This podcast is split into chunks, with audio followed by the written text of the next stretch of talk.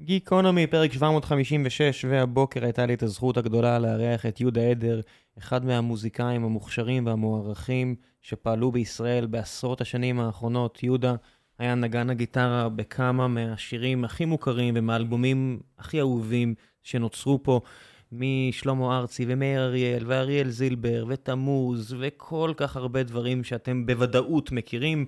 מעבר לכך, יהודה הוא גם אה, הנשיא ואחד המקימים של בית הספר למוזיקה רימון, ועשה כל כך הרבה דברים משמעותיים בחייו.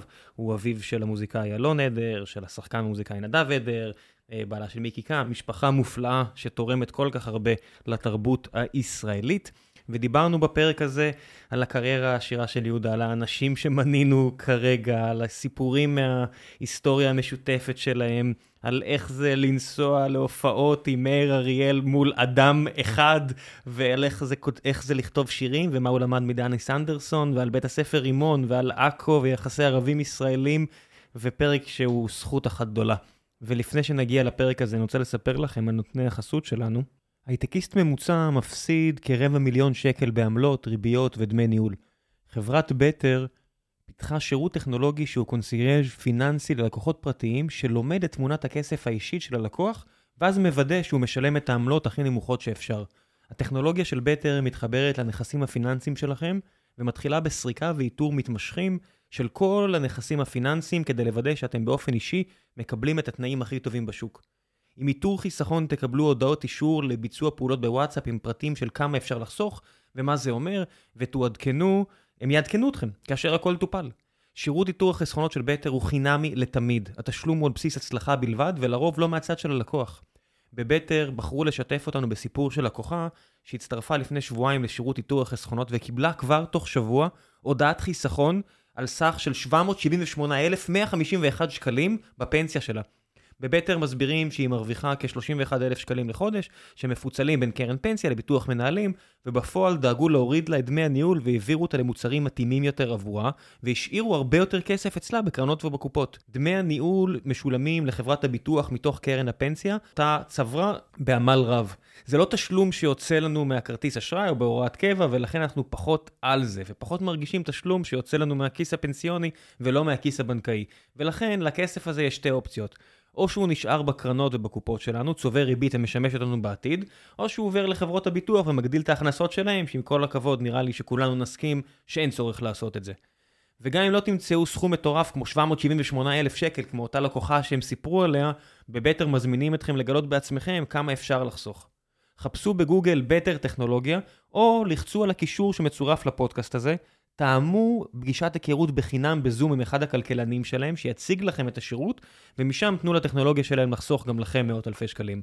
ועכשיו, לפרק עם יהודה, מקווה שתהנו.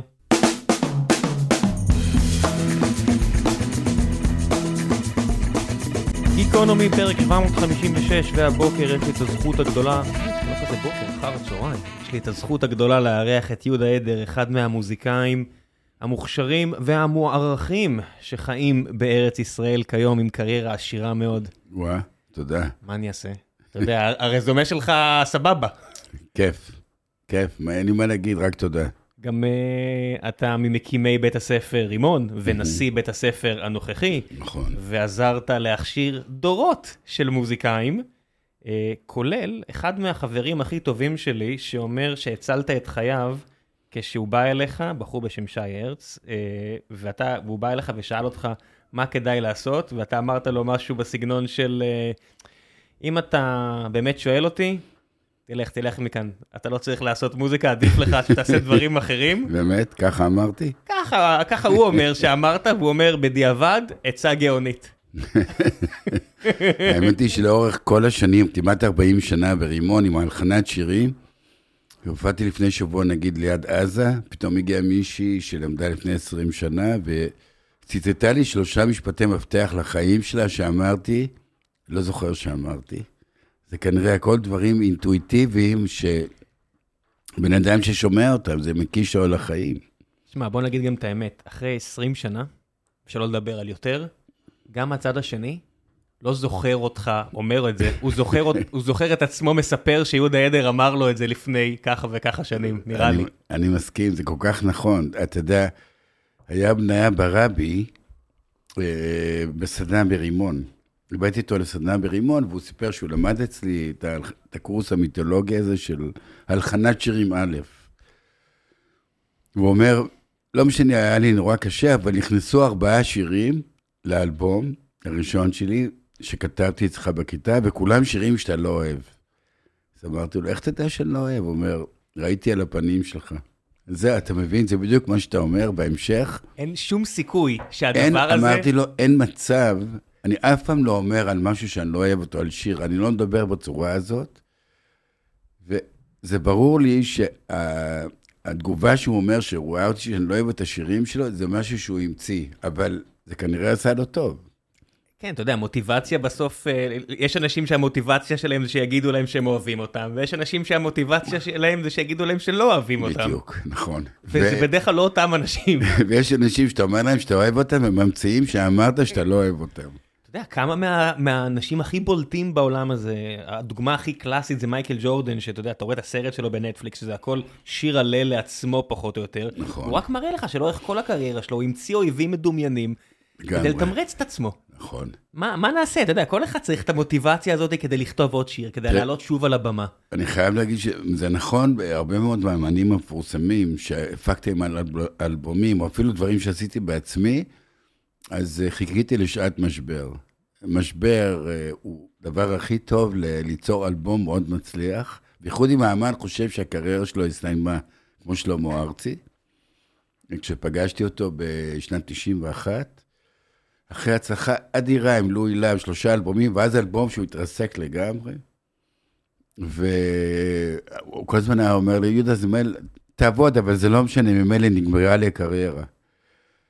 והוא באמת האמין בזה, ואני באמת האמנתי כשהוא אמר את זה, שיש לי הזדמנות פז לעשות את האלבום הכי יפה שאפשר לעשות לשלמה ארצי, כי הוא, הוא עזב את המושכות. מה, מה זה אומר? שאתה, כשאתה שלמה ארצי וחושב שהקריירה שלך נגמרה. תשמע, מה, אתה לא הולך ברחוב ולא מרעיפים עליך אהבה אינסופית? איך זה עובד כאילו? לא, זה בקטע שאתה כותב שירים, שיר חדש לא מתקבל טוב? לא, האלבום לפני זה, כרטיס הלונה פארק, התקבל גרוע מאוד ולא היו לו הופעות, כאילו בבת אחת מפארק הירקון, שבכרטיסים, הוא הגיע למצב של כלום. כשאני פגשתי אותו, למעשה הוא החליף לא רק את לואי להב, אלא את כל הנגנים שלו. והוא נכנס לתקופת, מצד אחד זו הייתה התחדשות, אבל משבר מאוד מאוד גדול. הוא גם נורא התגעגע ללואי להב. למזלי, לואי היה בלוס אנג'לס, אחרת הוא היה מזמן קורא לו. כמו שקרה לי יותר מאוחר, ובצדק, את יודעת, לואי הוא, לואי להב הוא איש. אחד הגדולים. כן. אבל, אבל כל הזמן הבנתי שיש שעת משבר, זה השעה הזאת שבעצם האמן עוזב את המושכות, ואתה יכול לעשות מה שאתה רוצה. די עשיתי מה שאני רוצה באלבום הזה. איך מתחילים? אתה שמעתי לא מזמן את הסיפור על דיוויד בוי שהתרסק גם מוחלט, מוחלט, מוחלט, ואז הוא מגיע הברית ומחיה את הקריירה שלו עם אה, סינתסייזרים ודיסקו, ואתה יודע, בשנות ממציא את ה-80. עצמו מחדש. ממציא את עצמו מחדש. כי אין, אתה. אין. אתה יודע, יסמין מועלם הייתה תלמידה שלי ברימון. אני זוכר את הבחינה שלה. מבחינת ניסה? הבחינת כניסה, כי אני, אני פוגש את כל מי שלומד על חנת שירים, ואחרי 23 שניות ראיתי את ההילה הזאת, שזה כמובן זה משהו שאני ממציא, זה לא קיים. זה היה יסמין מועלם לפני שהייתה מפורסמת. ואמרתי לה, תקשיבי, אני נותן לך את מלגת הנשיא, ואני רק רוצה מחויבות אחת, תגיעי לכל השיעורים. ובשבילה זה הדבר הכי קל בעולם, כי היא הגיעה, לא ידעתי, מניסיונות ממש כושלים בארצות הברית ובלונדון, גם ללמוד וגם לנסות להקליט. וכשהיא הגיעה לרימון, היא ויתרה על הכל. היא כאילו אמרה, תחנה האחרונה. ממילא, לא יצא ממני ממילא, זאת אומרת, כלום לא יצא ממני ממילא. ניסיתי ולא הצלחתי, אז בוא נעשה מה שאומרים לי. שמע, יש משהו בלטוס לארצות הברית, או לא יודע, אתה למדת בברקלי, במקומות נכון. הכי נחשבים, ומי שמנסה לבד, אתה יודע, איזו ילדה מבאר שבע שמנסה ובטוחה שהיא יכולה לבד, ואז היא לא מצליחה, והיא מגיעה לרימון, טוב, teach me. יש לנו פה אורח שנייה בחדר, אבל... איזה אה, כיף לנו. כן, אז א- איך, איך אתה, מה אתה עושה בסיטואציה הזו? עוד פעם, אני כי הייתי מרוכז בו. אז שנייה אחת. וחזרנו כשהילד הולך למקומו. תשעה באב, החיים עצמם, אין פתרונות. אז היינו ב- ביסמין מועלם, והיא מגיעה אליך אחרי שהיא ניסתה לבד, ו... ולמדה גם, אני מניח, כמו כולנו, צניעות. אתה יודע, המציאות מביאה, מחלקת כאפות בנדיבות. בדיוק, ובעצם מה שקרה, הדבר, כי בן אדם נורא, הזכירה לי את אתי אנקרי, יש לה משהו נורא אינדיבידואליסטי ולא מתפשר, אבל פה היא אמרה, אני זורמת עם המורים שלי, כי הבן אדם, הסתכלתי, גם שלחתי אליו מזמן, אף חיסור בנוכחות. אתה מבין, זה שנה שלמה, כל שבוע לבוא, צריך לכתוב שיר, זה קשה, לא בא לך חורף, אה, שיטפונות. מה, זה גם נורא תובעני, בניגוד ללימודים אחרים שאתה מאוד. יכול, אתה יודע, למדתי הנדסה.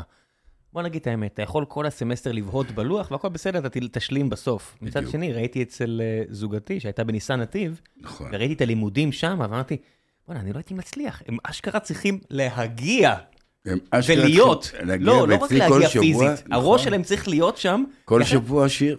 כן. התרגול שלי הוא כל שבוע שיר, אני נותן תרגיל, אתה צריך להביא שיר. אתה יכול לקרוא לזה גם תרגיל. אתה לא חייב לקרוא לזה לשיר, אבל...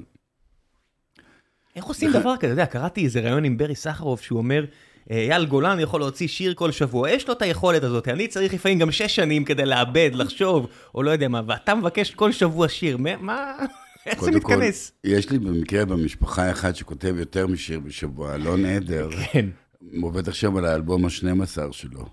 זאת אומרת, תחשוב כמה שירים לא נכנסו. אולי הוא עבר את יודע- התרגולים שלך בלי בית ספר, אתה יודע, בית ספר החיים. נכון. אני יודע שלפחות 100 שירים לא נכנסו לאלבום הראשון. זאת אומרת, אי שם, יש לו איזה 100 שירים שהוא לא הכניס, אני לא יודע אפילו אם הוא חזר אליהם או לא, אבל מה שהיה עם יסמין, זה היה הקטע הזה שגם נענתה לכל מי שפנה אליה.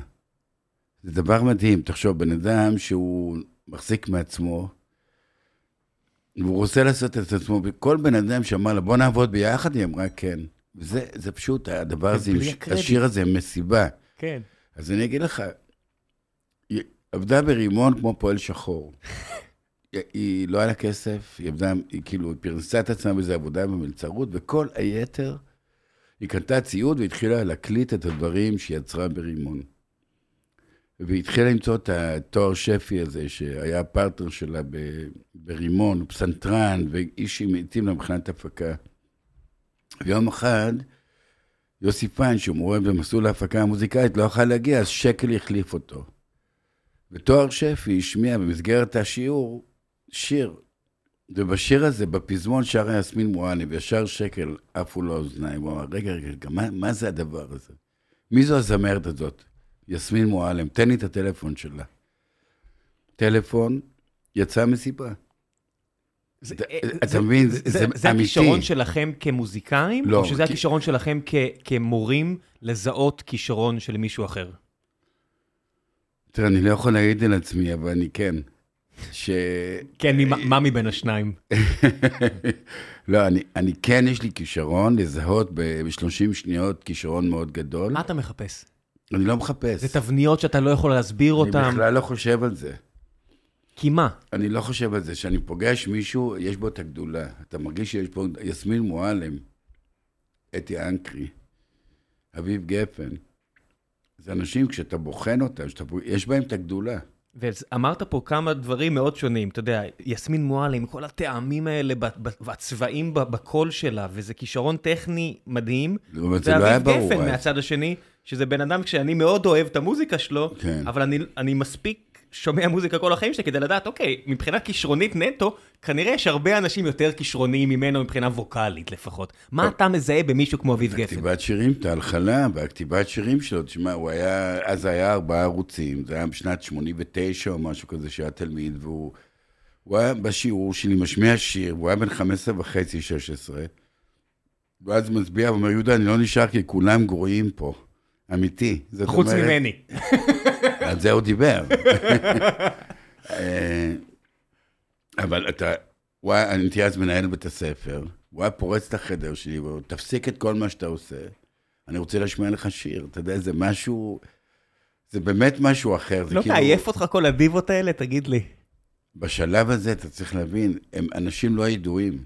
זה אחרת לגמרי. תחשוב, יסמין כשהיא לא ידועה, ואביב כשהוא לא ידוע, ואחינועם ניני כשהיא לא ידועה, זה רק הכישרון הגולמי, וזה עוד אחד בכיתה. ודרך אגב, רוב הפעמים, הכיתה לא מבחינה, מבחינה בכישרון הזה.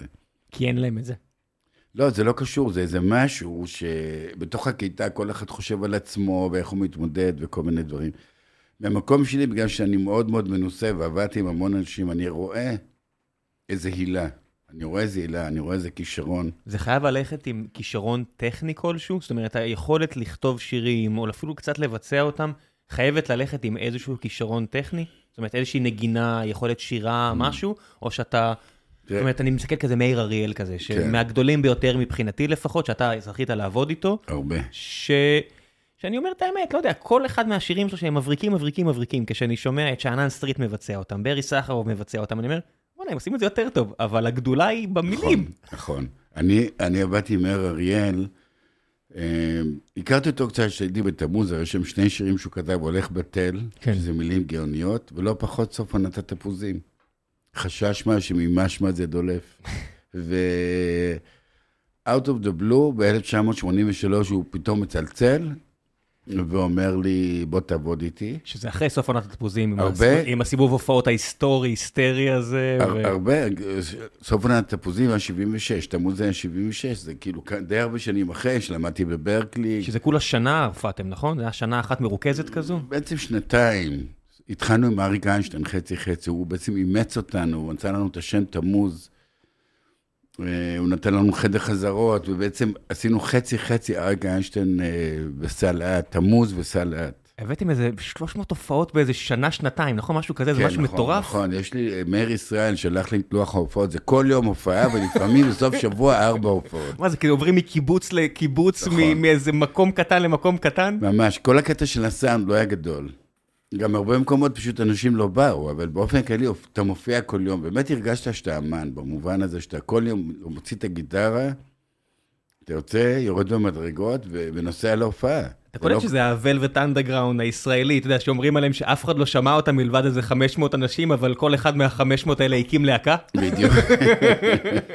זה נכון. אבל זה כזה, אתה יודע, זה נכון. סיבוב הופעות שאני... שלא נולדתי אז, כן. קראתי עליו כילד ואמרתי בואנה איזה אגדה, אבל אתה קולט שבזמן אמת לא הייתם היסטריים. נכון, ממש לא היינו היסטריים, היינו, אה, כשאני ואיתן גדרון נסענו לברקלי, תוך כדי זה שהיינו בברקלי, פתאום הבנו שהיינו מיתולוגים, אתה מבין? אה, איך, אה, איך הרגשה הזו? בהתחלה צחקנו על זה.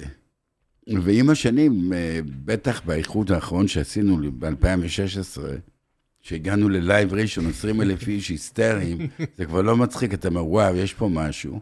רק ב-2016 קלטת שיש פה משהו? אני אגיד לך, אני קלטתי גם על עצמי שיש פה משהו, כי בעצם, תמוז, זה, זה היה משהו מסוים שאתה לא יודע איך להקיף אותו ואיך לנתח אותו. כן, זה היה משהו מאוד עוצמתי. אני ידעתי שהסתיים תמוז, אז הסתיימה התקופה הכי טובה שיכולה להיות לי כנגן. אז הבנתי את זה, והייתי בן 24. תמיד אני אומר לתלמידים שלי, חבר'ה, בגיל שלכם כבר פרשתי. כל מה שאתם מכירים שאני מנגן, כבר ניגנתי. איזה, אתה, אתה מבין שלי, כמי שמבחינתו, הסיבוב הופעות הזה של מאיר אריאל, שאני מסע הבחירות. כן, שאני יכול לצטט לך, אתה יודע, שהוא עומד שם, אה, חבר'ה, החבר'ה פה מולנו, הם כן. גבוליים, כמונו, כשהוא מדבר על החבר'ה לטבריה, או לא יודע איפה, הוא אומר, אנחנו צריכים לתת להם הופעה טובה. הוא אומר לך את זה. כן. הוא אומר לך, אנחנו צריכים לתת פה הופעה טובה, כי הם גבוליים כמונו. איך בכלל כל הדבר הזה קרה? אחרי שהפקתי למאיר אריאל אלבום, אלבום שאני מאוד מאוד אוהב אותו, שיש שם את לילה שקט עבר על כוחותינו בסואץ, ילדתי שלי, השיר הכי טוב שלו, שיר תת מודע זמני. עולה נגמש על קו רקיע. הפכו אותנו לצמד מילואים. אין מקום בארץ שלא היינו. אין מקום בארץ שלא היינו והופענו, ואין מקום שלא קמו וכולם הלכו באמצע ההופעה. זאת אומרת, כישלון... מה זה אומר? הצבא לא ידע מי זה מאיר אריאל. בדרך כלל חשבו שאני מאיר אריאל, נראיתי יותר ייצוגי. אבל כל הזמן נתן לנו בדיחה, תחשוב, צמד שיוצא פעם בשבוע לאיזה חור, בבקעה, במוצבים בלבנון, בדרום. מה כל כך נהנינו? היינו כל הדרך מדברים, צוחקים, עוצרים, אוכלים באיזה מסעדה ערבית. היה זמן של החיים שלנו, מה שהדבר הזה. הוא עם הטלטלים השחורים שלו, צנחן לשעבר, ואנחנו מדברים קול. על שירים ועל זיונים, ומדברים, אני לא יודע, השיחות שלנו, זה היה כל כך חבל לי שאת זה לא הקלטנו. וכל הזמן נתן לנו את הבדיחה הזאת, אבל למה אנחנו חוזרים הביתה? למה אנחנו לא כמו באמריקה? עם הוון. עם הוורק שאתה יוצא לחצי שנה טור ואתה לא מגיע הביתה. מאיר היה נשוי הרבה מאוד שנים, אני עד היום נשוי לאשתי משנת, מ-74. מיקי קם, בדיוק, אנחנו... עשתה- לא מעט בחיי אגמי. עשתה הרבה. כן. בקיצור, אה, הבדיחה שלנו הייתה, בוא נצא ונעשה טור. ובאמת, אם אתה רואה את הסרט הזה, נדמה לך שזה שנה, אבל זה שבוע. זה שבוע, וההתארגנות של זה הייתה ככה. מאיר, מה לך, אולי השבוע נצא לטור. הוא אומר, יאללה, בסדר, אתה יודע מה בסדר. אני מגיע לכפר נשיא, לקיבוץ שלי. אני אומר לעידו סלע, שהוא מהקיבוץ שלי, שמע, אני הולך לצאת לזה מסע הזוי מאיר אריאל, עם כמה ואנים. בא לך לצלם את זה? הוא אומר, וואלה, נשמע לי מעניין, מצלצל לשני חברים שלו, אחד צלם, מיכה לבנה, אחד מפיק, והוא מגייס אותם. ואנחנו ביום ראשון הזה, לא זוכר מתי, מתישהו באוקטובר אה, 87, יוצאים למסע ההזוי הזה, שפתאום מתלווים אלינו כל מיני אנשים. אני גם בדרך גייסתי שלושה אנשים שעברו משברים, אחד זה קוטנר, שהוא עבר משבר עם. אשתו. וכמה לא, שנים אחרי התאונה? לא, לא, משבר עם? אשתו, אוקיי. והילד שלהם היה בגן עם אלון, אז הכרנו אותו, וחוץ מזה שהכרנו כמוזיקאי. אחד זה רע מוכיח שאבא שלו הקים איתי את רימון, וההורים חוו שם משבר. אחד זה מיקי שביב, שאשתו פשוט לקחה את התינוקת שלהם ונסעה לקנדה. רגע, 1987, הרי המוכיח בן כמה? 16? 15 וחצי. אוקיי. כאילו בוא, אתה מסתובב עם ילד בן 16, זה הזוי מדבר על לגמרי. זיונים עם מאיר אריאל, נכון. ויש לך ברקע את הגאון הזה, הילד הגאון הזה, ומה, הוא פשוט זורק לכם צלילים? שהבת זוג שלו הייתה מרתה ויזלטיר.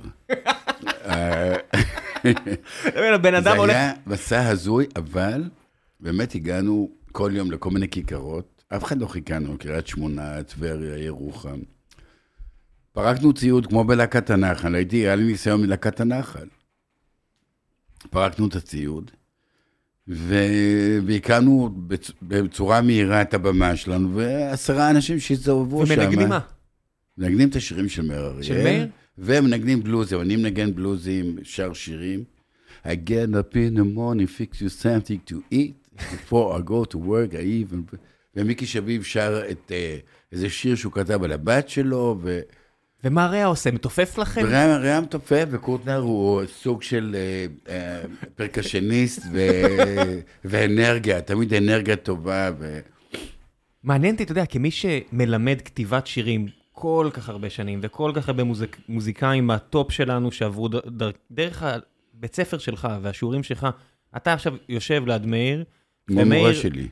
ו- ו- וזה מה שאני רוצה להבין. אתה מבין איך יוצא ארול? אתה מבין איך יוצא... הוא המורה שלי. איך? אתה יכול להסביר לי קצת איך המוח שלו אחד עובד? הדברים המדהימים שהוא נורא נהנה לדבר איתי על שירים שלו. תחשוב על נסיעות, נוסעים שלוש שעות. לוקחים שיר כמו טרמינל, הוא מתחיל לי לנתח את השיר. תשמע, מה שעשיתי, בשלב מסוים הבאתי אותו לרימון. מה זה? עצור, עצור, אל ת... תישאר פה שנייה, לאיפה אתה הולך? לא רימון. מה, אתה יודע כמה אנשים יש ניתוח פוטנציאלי על נכון, טרמינל? כל נכון. אחד הרי מביא, אה, זה בעצם דמעה שקופה, אתה יודע, זה בעצם אה, משהו אחר. אז הוא אומר לי, יהודה, למה אתה מביא אותי לרימון? אמרתי לו, יאללה, בוא, אני מביא- אותו לכיתה שלי ברימון. זה היה, אתה יודע, שרימון היה בן חמש, שש. נכנס לכיתה, ואני אומר להם, תכירו מאיר אריאל, כמובן שאף אחד לא ידע מי הוא. והוא מתחיל, אה, הוא אומר, טוב, אתם יודעים מה, אני, אני רוצה להראות לכם פרשנות שלי, איך אני מפרש שיר שכתבתי. עת השתחררתי, הרופאים המליצו לי. מצד אחד, מצד שני, מצד ש... על כל משפט הוא התעכב ונתן ארבעה פירושים.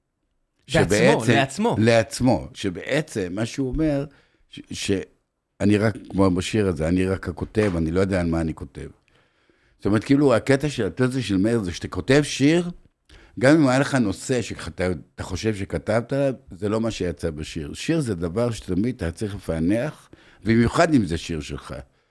אתה יודע שהוא סיפר לי דבר מטורף, שהוא לפעמים יושב עם שיר כאב, השיר, שיר כאב. השיר שיר כאב, והוא שר אותו לעצמו כדי לנסות להבין על מה הוא כתב. זאת אומרת, כאילו, זה ממש מקצין את העניין שבאמת שיר זה סוג של התפרצות שיוצאת ממך, שאתה לא כל כך בשליטה, ואתה אחרי זה מנסה כל החיים שלך לפרש אותו, אתה מאושר שאנשים אוהבים אותו. בגלל זה אני תמיד צוחק ש... נגיד שהפקתי את השיר אהוב יקר לרונית שחר, כן? הוא נכתב על משהו קשה, אבל אתה מה זה מחייך? למה? השיר נורא הצליח. אתה מחייך. אתה יודע, לא, גם הכותב. הרוב- גם הרוב הכותב. המוחלט, בסדר הכותב, אבל הרוב המוחלט של הישראלים שומע אהוב יקר, כנראה שזה מקפיץ להם איזה רגע בחיים שהם שמעו את אהוב יקר בלופ. נכון, ככה זה שירים. בדיוק. הנה, עכשיו אני עושה עם רונית שחר מופע, פסטיבל הפסנתר, ב-26 לאוקטובר, יום הנישואים שלי במקרה. ואנחנו נפגשנו אתמול ושחזרנו איזה שירים נעשה, וזה ממש ככה, אתה עובד על דברים, אני זוכר את התהליך של העבודה שעבדתי איתה ארבע שנים, עד שהסכמתי להגיד לה שהשירים שלה מספיק טובים. ארבע שנים. מה, כל פעם אתה משנה מילה? לא, אני אומר, לא טוב. אה, אתה מעיף הכל. לא טוב, לא טוב, לא טוב, לא טוב, ופה בוא נשנה, בוא ננסה, ממש ככה. תגיד, אין מצב שאתה כמוזיקאי על, אתה רואה פתאום שיר, ורק הביצוע יכול להפוך אותו למשהו אחר? הרי, הרי יש המון נכון. שירים מדהימים, שאם תביא לי רק את הליריקה, נכון, זה לא משהו. נכון. אבל הביצוע הוא מה שהופך אותם ל... אני, אני לחלוטין. ראיתי נגיד הסרט של ה Beastie Boys. ומדברים שם על יצירות מופת, ואתה רואה כאילו, זה קצת שובר את הלב, כי הם נכנסים פתאום, לא יודע, צרחתי למיקרופון, ובכלל דיברתי על האיש סאונד שעצבן אותי בבוקר, ואז בדיוק. פתאום דברים משתבשים לי, ואני אומר, מה? אני כבר 25 שנה שומע את זה פעם בשבוע, מה האיש סאונד צרחת עליו? תקשיב, אהוב יקר, לדוגמה, עשיתי את המיקס של השיר לפניו עם הטכנאי, אייל דפנה, שעבד עם איפה הילד, ואביב גפן, המכתב. ואני כל כך התעצבנתי אליו, אמרתי לו, תקשיב, השיר הבא, שהיה לו מלא ערוצים, בס, תופים, תזמורת, תוריד לי רק עם שתי גיטרות. וזה אהוב יקר. שיזהר אשדוד פוגש אותי, אומרת לך, יהודה, ההפקה הכי גאונית שלך זה אהוב יקר. המכה הזאת על הגיטרה של ה-2 and 4, אהוב יקר, פאק. דה דה דה דה פאק. אני אומר לו, יזהר, הכל, התעצבנת על הטכנאי, אמרתי לו, תוריד לי את השיר עם שני ערוצים, אבל מה כן? יום אחרי זה באתי, אמרתי, וואלה, עובד. כן, אבל זה, אני חושב שזה גם עובד. אולי... אתה מבין מה אני אומר? זאת. אומרת, אחרי שהתרגלתי לבאס, תופים, ל... אני לא בטוח, אבל עם אנשים היום, זאת אומרת, אני חושב, אינקובטור של רמי פורטיס, שהוא עשה את זה בטייק אחד בניסיון הראשון שלו, וכנראה שמאז לא עשה את זה טוב כמו שהוא עשה את זה. כן, זה או- השיר שעושה בתמוז. אתה כן, יודע, או- בהופעות שלנו בתמוז. למה ב- אני אספר? כי אה, אוקיי. ככה אני, אתה יודע, או את לי הלילה של זוהר ארגוב, שאני שומע את זה, אני אומר, בואנה, הם- הם... הם עישנו משהו באותה שנייה, עשו איזה, אתה יודע, את כל השטיקים האלה, ויצא להם, ובניגוד לזה, אני לא יודע, אני שומע נגיד את הדברים הסופר מופקים של היום, מישהו כמו ג'ורדי כזה, שכל שיר שלו זה, נכון. זה הנדסה.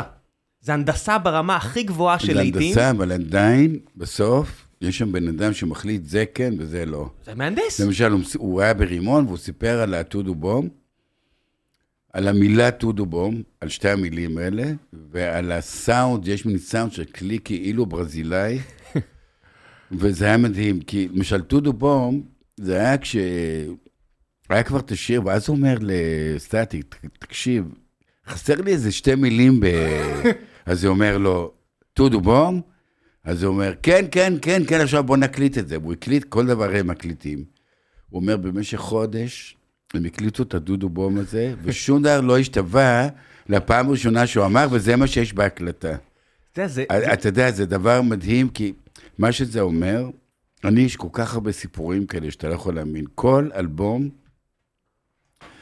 הטעויות הכי גדולות שלי זה השירים שבסוף הצליחו ברדיו.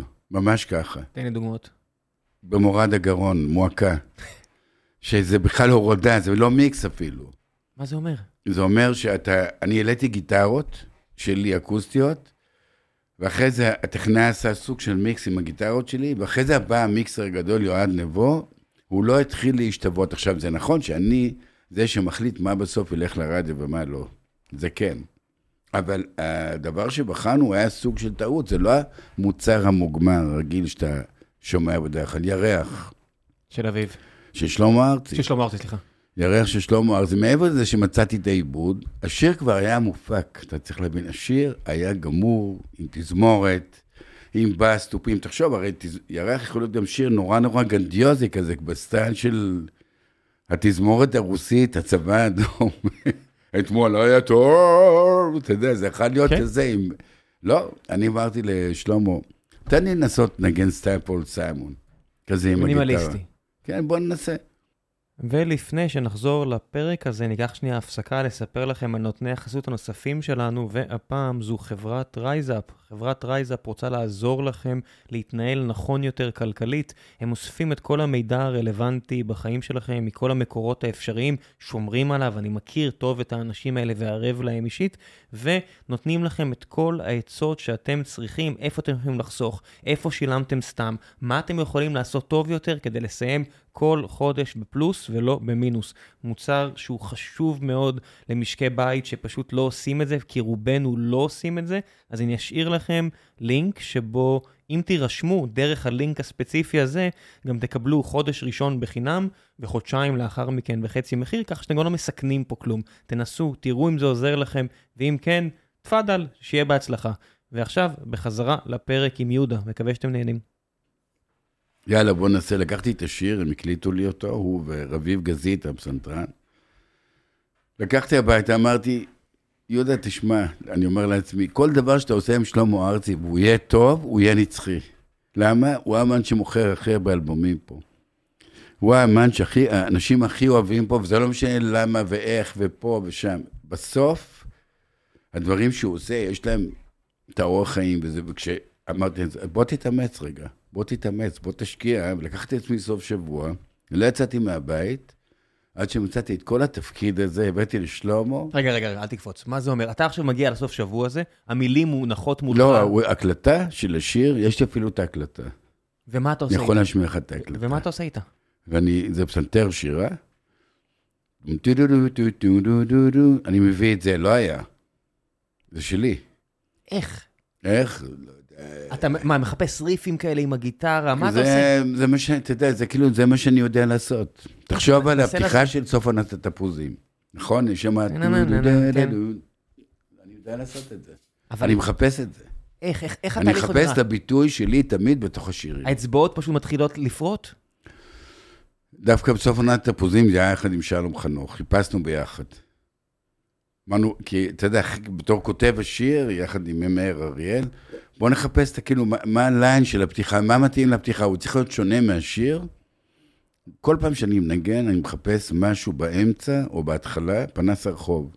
פאו דו דו דו דו דו דו. אני מחפש פנס הרחוב, כי בעצמו, אני מנסה למצוא את הביטוי שלי בתוך שיר. אז... אה, העובדה שאתה נגן גיטרה, ולא, אתה יודע, אתה מנגן, אתה יודע, אני מניח שאתה יכול לגעת בהרבה כלים, אבל העובדה שה-go to tool שלך זה גיטרה. לחלוטין. משפיעה על איך שאתה חושב? ברור, תראה, אני, כשאני מפיק, עשיתי אלבום לגלי עטר שנקרא סימנים, כאילו השיר הכי ידוע משם זה השיר שיביא לך אהבה, אז זה דרך הגיטרה, היא גם התנתה את זה שאני אנגן גיטרה בכל השירים. יהודה יבוא, זה אחרי ירח, וכאילו השיר ירח. העיף את המודעות של האנשים לגבי הנגינה שלי אה, בצורה היסטרית, אז זה היה, זה היה משהו, עד היום זה משהו מאוד מאוד חזק, הנגיד, כל התפקיד של הגיטרה, זה באמת משהו שעבדתי כמו בן אדם שעובד על שיר. תחשוב, בן אדם שמשלים שיר, מתקן את המילים. אומר, לא, זה כן, זה לא, בוא נעשה... אתה מבין, כל הדברים האלה שקשורים לדבר שמעצב את האישיות של שיר, זה מה שאני עושה כמפיק, אה, והרבה פעמים דרך הגיטרה שלי. קשה לרסן את האגו מהבחינה הזאת? אתה יודע, בתור נגן גיטרה, אני מניח ש... אתה, הדוגמה כזה, stairway to heaven כזה, נכון, נכון. הטכניקה היא כל כך משמעותית ומשתלטת על השיר, ואז כל השאר, או נובמבר ריין, או כל הדוגמאות הקלאסיות של הרוק, שהכל מסביב לריף הזה, לסולו גיטרה הזה. וכנגן גיטרה שצריך להפיק את המוזיקאי, את המלחין, את הזמרית, את הזמר, אה, את הזמרת, את הזמר, איך אתה מצליח לרסן את האגו מהבחינה הזו? זהו, קודם כל, לואי להב היה המורה הגדול שלי. עכשיו בדיוק נתתי לו פרס מפעל חיים של אקו"ם, זה משהו שאני קיבלתי בעצמי לפני שנה. ובתמוז הוא העיף את כולם מהאולפן, ובמשך שבוע הוא העצים אותי כנגן ברמות שאי אפשר להאמין. מבחינה טכנית הוא חיבר את כל המגברים שאי פעם היו ב- בישראל. הוא חיבר אותם בצורות משונות. כל שיר יש לי כמה סאונדים שהוא בנה לי. אני ישבתי, הוא אמר, תנגן, לא, זה רץ, סידר. זה הבן אדם שהעצים לי את נגידת הגיטרה. זה לא שלא ניגנתי טוב לפני זה, הוא נתן לזה פוקוס, ועד היום אני מופיע, יש לי הופעה עם השירים של תמוז, בלי הזמרים, בלי שנה ואריאל. מעבר לסולו שיצאת לפני כמה שנים, כן, זה בלי קשר, כן. ו- והקהל נטרף על זה. משהו בנגינה הוא תעודת זהות של תמוז. אני אגיד ש- אתה אומר, ב-2016 רק הבנתי את זה. אני אגיד שזה קצת תעודת זהות לישראליות. לא, הדבר הזה, ישראליות, קצת עומד למבחן היום, אבל אם יש קונסנזוסים, אז זה המוזיקאים שקצת מנינו, זה קצת מאיר אריאל, זה קצת איינשטיין, זה קצת זוהר, זה קצת תמוז. כן. זה, זה, זה פחות או יותר הדברים שהרוב המוחלט של הישראלים מעל גיל מסוים שומעים, וזה חלק ממי שהם. אני, אני מסכים, אני רואה את זה בהופעות שלי, בכל מיני פאבים של 100 אנשים, או בשבלול, פה בתל אביב. פתאום אנשים עולים על השולחנות, אתה יודע, הם מאבדים את זה, הם חושבים שהם בני 20. זה לא משנה, כאילו... לא, לא, זה כאילו, זה מביא אותם למקום, וזה נורא מצחיק, כי פתאום אני יוצא, יורד מהבמה, ואני עושה את מה שיותר עמוק, יותר כחול, ואת פנס הרחוב, והולך בתל. ובאים אליי בהתרגשות, נשים בנות 60, 70, באות אליי, ואני אומר לה, תקשיבי, הקסם פג עוד חמש דקות. אני יודע, היא אומרת, אתה גדול, אתה מדהים, אתה זה, אני אומר, רגע, חכי, תכף זה יפוג. זה, זמני. זה זמני. הסם הזה לפחות הוא לא ארוך. לא, נכון, לא, כי זה, באמת משהו נורא מרגש. זה כמו שהייתי לפני חצי שנה עם מיקי, היינו בלונדון, בערב הוקרה למי שעיצב את Sergeant uh, Pepper's, את העטיפה, בן 90, ופתאום עלו בהפתעה The Who. אתה- אני רואה את הגיטריסט הזה שאני כל כך מעריץ, פיט טאונסנד, שאתה יודע, והוא ניגן את טומי. ואותו דבר, אתה יודע, יד ימין המטורפת שלו, עם, עם הגיטרה האקוסטית הזאת, הוא מנגן את הדברים שבתור נער אתה גדל עליהם, טכנית הוא עדיין שם? הוא עוד יותר טוב. מה? אני, אני מנגן היום יותר, את התמוז אני מנגן יותר טוב מאשר פעם. זה מטורף. תסביר. יותר בטוח, יותר ברור מה אני צריך לעשות, איך לנגן את זה. כאילו משהו שגדל עליך עם השנים. האצבעות פשוט כבר זזות לבד? האצבעות זה זאת גם בתמוז, טכנית, זה לא, זה לא נגינה מהירה. זה, זה נגינה מסוימת, מאוד עוצמתית. בסדר, לא הכל צריך להיות Dream Theater שהאצבעות אה, לא, לא, זה מרקדות. ממש לא כזה, אני לא כזה, אני slow hand, כמו אריק קלפטון במובן הזה. כן, אתה יודע, אריק קלפטון, אפילו ג'ימי הנדריקס בחלק מה, מהדברים, אה, המוזיקה לא חייבת, הרמה הכי גבוהה היא בטח לא הרמה הטכנית. זאת אומרת, אתה לא חייב להיות הנדסאי גיטרה כדי נכון. לרגש. נכון, תראה, אנשים מתלהבים ברגע שמרגישים, כמו בשיר, את האישיות שלך. האישיות- שלי, אם אתה אומר, הכי טוב דרך הגיטרה. זה, אני גם שר, ואני הוצאתי אלבומים, אבל המקום שאני מנגן, אני מרגיש שגם אני עף, ואני מצליח להעיף את הקהל. דרך אגב, הרגשתי את זה גם כשהייתי בן 24, כשאני עומד על הבמה בתמוז, ואני עושה את הפתיחה של משהו יותר עמוק. אני עומד שם בצד שמאל בצוותא, ואני מרגיש שאני מנגן וזה מגיע. אתה יודע, כי גם הרבה פעמים הייתי במצבים שאני מנגן וזה לא מגיע. וזה מורגש בהופעה? זה מאוד מאוד מורגש, אה, נגיד בהופעות שאני עושה היום, כמעט לא משנה איך אני אשיר, איך- מה שאני אעשה, אני ברור, ברגע שאני מנגן את הצילים האלה של פנס הרחוב, אני מרגיש פשוט שהכל בבת אחת הופך, זה מציאות אה, מדומה, זה משהו אחר, זה, זה הדבר הזה, אנשים שהם נראים כאלה זקנים וגמורים מהחיים, פתאום הם מוארים. אתה יודע, אתה רואה את זה בתור קהל, ואני, ואני אה, איך אומרים, נשאב לתוך זה. זה הכוח של המוזיקה. תגיד. כשרע מוכיח שהוא כבר לא ילד בן 16-15, אלא כשהוא אה, בן 20 ומשהו, והוא מכניס פעם ראשונה מוזיקה מזרחית לרוק. כן. איפה זה פוגש אותך, הדבר הזה, השינוי הזה מ... אתה למדת בברקלי, ומוזיקה קלאסית, וג'אז, ומלמד, ובלוז, ו- ומבין טכני, ואז באים אליך עם, ה, אתה יודע, עיר של קיץ, וכל הדברים האלה של תחילת שנות ה-90 עד אמצע שנות ה-90, של השילובים האלה, שאני, אני לא יודע, אני מניח שזה בין הראשונים בעולם, או היחידים בעולם שעושים את הדבר הזה, כן. ואיך תראה, זה ראה אותך? מוכיח, אבא שלו, שהקים איתי את רימון, אילן מוכיח, מוזיקאי העל של ישראל. צריך להבין, הבן אדם, אתה מדבר ש-? על- על אילן רע? מוכיח. אוקיי. אבא של ראה מוכיח, זה גם אח שלו, אתה יודע, לא יודע מה, הם כולם... מה, אה, תום, כן. אבל אבא שלהם, זה בן אדם, נגיד, הוא עשה את המס- את המסע של אריק איינשטיין ושלום חנוך. טה טה טה טה טה איי איי איי. זאת אומרת, הוא מוזיקאי שיודע לנצח על הפילהרמונית, הוא מנגן ג'אז בעצמו. אה, הוא סופר, אה, בן אדם עם, איך אומרים, הרוחב הכי גדול בעולם של המוזיקה הכי טובה בעולם מכל הסוגים, וככה ריאה גדל. ריאה גדל לתוך מציאות, אני זוכר שהם גרו בדוב הוז, הוא ואילן ואשתו נפרדו, והם גרו שניהם אה, באיזו דירה בסיסית, מינוס, אבל מוזיקה הייתה כל הזמן שם. זאת אומרת, רע מוכיח, אני יכול לחשוב על זה במובן הזה, על שני הבנים שלי, אלון ונדב, שהם, אתה יודע, הם היו בחזרות שלי. אולי אלון יותר קצת, כי הוא תשע שנים יותר גדול מהילד השני, אבל הייתי לוקח אותם לחזרות, להופעות. אני מספר עכשיו בספר של אלון, שאנחנו עושים לו לכבוד זה שהוא בן 40, אני מספר על אה, קטע שהופעתי עם אה, דודה, מין הרכב מאולתר של דודה, וברמלה ביום העצמאות. אתה יודע, זה החגיגות ענק האלה על במות יום העצמאות, ואני עם דני סנדרסון. ו... גם נגן גיטרה בסדר גמור בסך הכל. הוא המורה שלי, הוא המורה שלי. ופתאום, ואני מביא את אלון בן שמונה, מיקי מופיע, אני מופיע, אין סידור ליד, לוקחים את אלון, בן שמונה, תשע. אני שם אותו בתוך הקהל, ואני על הבמה, פתאום מתחילות מכות בקהל, ואני פשוט קופץ מהבמה, שולף את אה, אלון ושם אותו על המגבר שלי, והוא יושב כזה עם רגליים מסוכלות, מאושר, ואני כתבתי שם בספר. אז הוא הבין שהבמה זה המקום הבטוח שלו בעולם. הוא, תחשוב על ילד שרואה את אבא שלו מנגן, שכל הקהל מריע, והוא יושב ואומר, וואו, כן, כזה. כיף להיות פה. כזה, זה, זה כיף להיות ככה. זאת אומרת, זה המציאות שהוא גדל. כן, לשמוע. בחזרות, כן. דורבנים, שלא החתמתי. אז הייתי אז מנהל גדול בעד ארצי, אמרתי להם שהם להקה גרועה. דג נחש, בדיוק פגשתי את יאיה כהן אהרון, הם עשו לי פעם פרזנטציה, אמרתי להם שהם להקה גרועה. לא משנה, מלא טעויות. למה, אבל... למה? תספר לי קצת, תגיד, לא, מה זה אומר לעשות טעות כזאת? זאת אומרת, מה, מה לא ראית? האם הם השתנו, או שאתה פספסת? פספסתי. פספסתי, ואני יודע גם למה פספסתי, כי יש את הטעם האישי שלך, ויש את ה... אה, ויש את, את המהות של משהו שיכול להצליח בישראל.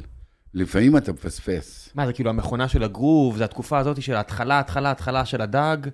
ראיתי את דג נחש, הם הופיעו לי במרכז עיניו, במיוחד בשבילי, הם עשו שם איזו הופעה בלובי של מרכז עיניו.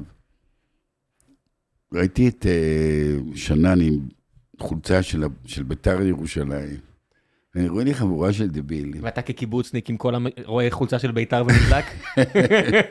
אני אומר לו, תשמע... אי אפשר להפריד הכל מהחיים. אין לכם את זה, גם אין לכם סולן כריזמטי. ואני אומר את זה במובן שלא טוב להיות אה, מנהל אה, אמנותי של חברת מוזיקה, לא, לא. זה שונה מאוד... זה לא תפקיד של קרמה טובה. לא, זה שונה מאוד מ... מלהיות מפיק אה, מוזיקלי של משהו שאתה בוחר לעשות, ואתה... המפיק עם, עם המוזיקאים או המוזיקאים עד הסוף, הוא איתם נכון. והאינטרסים מלוכדים. נכון. משקיע או אה, ב record label, נכון. האינטרסים שלך לפעמים מנוגדים. נכון. אתה, אתה יודע, ו... Welcome to the machine של פינק פלויד, זה הכעס של המוזיקאי על, על, עליך. כן, עליך. נכון, נכון. ואני הייתי, מה שהקטע המטורף הוא, שגלעד כהנא אה, נכנס, היה אמן שלי בעד ארצי, הייתי מנהל האמנים של עד ארצי. מה, מ-99 עד 2003. אחרי הג'ירפות. ג'ירפות כבר הוציאו, ואז הוא בא אליי למשרד כדי להוציא אלבום אישי, ראשון שלו. דרך אגב, האלבום הכי לא מסחרי שאי פעם הייתי מעורב בו, הוא מכר 183 עותקים, פחות מתקליטי הפרומו. אתה יודע, יש פרומו שנותנים לזה. כן, Friends and Family. בדיוק. ומה שהיה מדהים, זה שהוא נכנס למשרד שלי בעד ארצי, אור יהודה, ואומר לי, אני שונא אותך. למה? אומר, כי אתה הנציג של עופר נמרודי. אתה, אתה יודע, הוא היה בעלים של עד ארצי. אבל אני אוהב אותך. למה? כי עבדת כל השנים עם מאיר אריאל. ומר אריאל זה הבן אדם שאני הכי מעריץ, אז אני לא יודע איך להתייחס אליך. אני זוכר את השיחה הזאתי, ואני זוכר שהוא הביא שירים הזויים בטירוף, ואמרתי, את זה אני עושה. את, את האלבום הזה, ובאמת צדקתי, זאת אומרת, הוא לא מכר במיל. תחשוב, חברה גדולה, בעצם המחויבות שלה זה לבחור, לסנן את האלבומים שלדעתה ימכרו הכי הרבה אלבומים. אבל בתוכה אתה צריך להרשות את עצמך מרווח של ניסיונות, של פריצות דרך. משהו של הנשמה.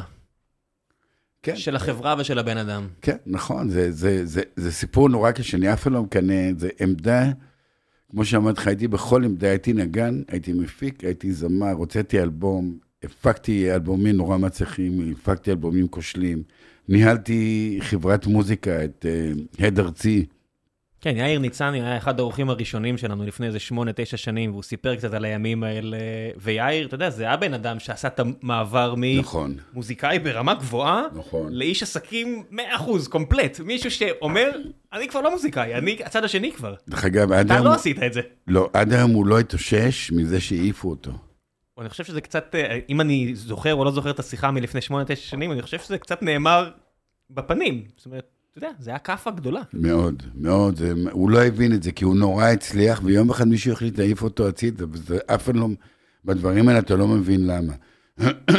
אתה יכול אבל- להמציא לעצמך סיפור, אתה יודע, אמרתי, המציאות מחלקת לנו כאפות, ויש את מי שיודע להוציא את עצמו, ויש את מי נכון. שלא, ואתה יודע, to roll with the punch, כמו שאנשים בזירה עושים וצריכים לדעת לעשות, זה לא תכונה שלרובנו יש. אהבתי את זה. לרנדי ניומן יש שיר, אתה מכיר? כן, וואו. אבל רולינג, אתה יודע, כמי ש- באלבום, אלבום לא ידוע, Land of Dreams. אז אני, זה, זה היתרון גם במפלצות כמו ספוטיפיי, שפתאום אתה יכול ליפול על הרנדי ניומן, ליפול על הפול סיימונים, ולראות את העבודה שלהם. ולהיכנס לזה לילה שלם. כן, כי יש הכל פתאום. נכון. כי פתאום זה לא, אתה יודע, ילד באר שבעי כמוני שמגיע לאוזן השלישית בגיל 15 ומתחיל, אתה יודע, בדיוק. אתה יודע, דורון ניר שעשה איתי פה את הפודקאסט, והחלום שלו זה שיום אחד דני סנדרסון יגיע, אז אולי תביא, תעזור לי לארגן איזה מתנה ל-50 אצלו, לא 40 או לא יודע מה, אבל אתה יודע, הייתי מגיע לעבוד איתו, ואז הייתי הולך, ואתה יודע, אני עדיין זוכר את האלבומים שקניתי בגיל 15-16 כשהתחלתי לעבוד איתו, והייתי נוסע בחזרה לבאר שבע, ואני ברור. זוכר את העטיפה, ואני זוכר את המספר של השירים, אתה יודע, וואלה. מבחינתי, הרבה שנים אחרי זה, שאלג'יר מוציאה את מנועים קדימה, אני בראש שלי, זה לא אפילו שמות של שירים, זה 2 לעומת 11. אה, ממש ככה? כן, אני מבחינתי זה 2 לעומת 11, ו- וכל שנה אני יכול להגיד לך מה עדיף לי, 2 או 11, אם זה. בתוך הצינורות או דם על הים או לא משנה מה, זה, מדהים. זה, זה חיבור ל- ל- לפלסטיק. כן, היום זה זה חיבור כבר ל- לא... לחיים שלך. היום זה, זה משהו אחר, אני לא יודע טוב יותר או טוב פחות, כולנו יצ... יצירים נוסטלגיים ואנחנו חושבים שמה שהיה לנו היה יותר טוב. היום מבחינת, אתה מדבר פונקציה של מוזיקה, כן? תראה, אני כן, חושב זה על אחר. עצמי, כשזה קופץ לי בספוטיפיי, זה כבר לא 2 מול 11. כן. זה אין סיכוי שזה 2 מול 11, האלגוריתם לא יכול להכיל 2 מול 11, יש שמות, יש, יש, לי, יש uh, רשימות, זה מה יש. אני אומר לתלמידים שלי, תשמעו, ב-1963 יצא האלבום הראשון של בוב דילן. אני הייתי בן 12, אז שנתיים, שלוש אחרי זה, גרתי בקיבוץ על שפת אה, הירדן, ובקושי היה שם בלילות חשמל, ואור או משהו, והייתי יושב באיזה צריף חשוך ומקשיב לבוב דילן. ואני אומר להם, תארו, לא היה לי מחשב, לא היה אייפון ולא היה כלום, אז כל החיים שלי חיפשו את המפלט הזה, שזה הוא היה במוזיקה. היום, ההיצע שלך כל כך גדול, ההיצע לבריחה. גם כשאתה מסתכל על ספוטיפיי, פתאום קופץ לך איזושהי הודעה מאימא שלך, או מהבן שלך, אין מפלט. ואני אומר להם, אחד הדברים שאני עושה, אני משמיע לה, בסמסטר הראשון לתלמידים אלבום שלם של רנדי ניומן, שהוא אלבום לא ידוע שנקרא 12 Songs, ואני אומר להם, אני הולך להעביר אתכם עכשיו חוויה שלא עברתם בחיים. אנחנו מקשיבים לאלבום מההתחלה ועד הסוף, אתם לעולם לא עשיתם את זה, אז הם נורא נעלבים. ואני אומר להם, לא עשיתם את זה, כי באמצע, בלי ששמתם לב, יש לכם וואטסאפ מחבר שלכם, פתאום נדלק איזשהו מסך בצד שמאל, ואתם לא, אפילו לא שמתם לב כמה שאתם מוסכים, ובאמת אני מרגיש שאני משמיע להם, זה קשה להם נורא. רק להקשיב, אני אומר, בואו תסתכלו על המילים של השירים, 12 שירים, זה נקרא 12 songs, ותעברו חוויה שלא עברתם עד עכשיו, ובאמת עוברים את החוויה הזאת. כן, אתה יודע, ניל יאנג, מי שילך לספוטיפיי יראה את כל הלהיטים הגדולים, אבל בין לבין, המפלצת מוזיקה הזו מוציאה כל מיני שירים ניסיוניים, בלו ברד וכל מיני כאלה של 12 דקות, רבע נכון, שעה, של 7 דקות. סולואים של גיטרה כן, מטורפים. והבן אדם כאילו עף שם, ואתה אומר, איזה, כמה פנינים, נכון. כמה יצירות מופת יש, שאני מסתכל בספוטיפיי ורואה מספר האזנות זעום, ואתה אומר, בואנה, זה אוצר נכון, שהאנושות מזניחה. נכון. אני אומר כזה, היום דוגס של פינק פלויד היה יוצא. הוא לא היה, הוא היה נשאר אה, באיזה מרתף ב- באנגליה איפשהו, וזהו, וזה היה מת. ב-95 או משהו כזה, אה, חזרתי מיוון, ורונית שחר, שעבדתי איתה על האלבום, מתקשרת ואומרת, אה, רציתי להגיד לך שאני מחממת את ניל יאנג. ניל יאנג הופיע בבריכת הסולטן עם ההרכב של אה, פרל ג'אם. אתה זוכר דבר כזה? כן. זה משהו מדהים. הנגנים של פרל ג'אם הופיעו בבריכת הסולטן ואחרי זה בקיסריה. ולמה זה כל כך מדהים? אני אמרתי לה, אני לא יודע אם אני אבוא וזה ושם. בסוף אמרתי, טוב, אני אבוא. והיא עלתה, הייתה נורא מסכנה, אפילו חיברו את האורות. בקושי חיברו את המוזיקה שיש בה. היא שרה כמה שירים, אף אחד לא ידע מי, ושום דבר לא קרה. ואז ניל יאנג עולה, ואתה פשוט לא מאמין למה שאתה רואה. הרמת נגינה והשירים, אני הייתי בשוק. יום ספר. אחרי זה, ספר, עצור, עצור, עצור, זה קצת, אתה יודע, זה קצת מבחינתי רוצה- כמו שקלפטון אומר על ג'ימי הנדריקס, וואו, הוא אלוהים, וזה fucking קלפטון, תשמע. אז שיהודה עדר אומר לי, וואו, תסביר לי מה וואו. אז אני אגיד לך, יום אחרי זה הייתי בקיסריה, ועברתי חוויה עוד יותר מטורפת, ואני נשארתי לשבת, ומי יושב לעשר שורות לפניי? ברי סחרוב. אנחנו מכירים טוב. אני אומר, ברי, מה אתה עושה? אמר יהודה, לא, ראיתי דבר כזה בחיים, זה הולך לשנות לי את החיים. מה, על מה אתה מדבר? פשוט, דווקא הופעה שהוא לא ניגן עם הנגנים הרגילים שלו. אתה יודע, הוא ניגן עם חבר'ה צעירים שגם די צחקו ממנו במובן החיובי, זאת אומרת, כי הוא כזה, כל הזמן חצי נופל כזה, ויש לו פדלים מוזרים, יש לו, כי הוא חצי נופל, אז יש לו מין קופסה ענקית, שבעצם מגבירה ומורידה את המנורות שלו במגבר. אני לא יודע אם ת- זה אומר לך משהו, אם אתה אני- גיטריסט. אני- אני- לא, אני מבין מה אתה אומר בערך, אבל אני לא- אני לא מתקדם כאילו, אותך. יותר distortion ופחות distortion, יותר sustain ופחות sustain. והם מסתכלים עליו בהשתאות, על, על ה giant הזה, שהוא מבוגר מהם בכל כך הרבה שנים, והם מנגנים מדהים, הם כולם צעירים בני 20 ומשהו. והחוויה הזאת לראות איש כל כך זקן ומוערך, והוא שר את השירים שלו, אתה יודע, עם הגיטרה, ואחרי זה פתאום סולו של רבע שעה, כמו שדיברנו, ואחרי זה פסנתר, שיר הכי עדין בעולם. זה היה מין הפצצת תרבות ונגינה ברמה הכי גבוהה שאפשר לתאר. אני לא יודע מה אחרי זה, אני לא יודע מה אומרים על זה בעולם, אבל מבחינתי, וגם מבחינת ברי שהיה איתי, זה משהו שלא ראיתי. זה כאילו, זה נצרב, יש שתי הופעות שנצרבו בזה, הברוס פרינסטין, הפעם הראשונה שראיתי, אחרי כל הסיפורים של לואי להב שעבד איתו, וה- והשתי ההופעות של ניל יאנג, ש...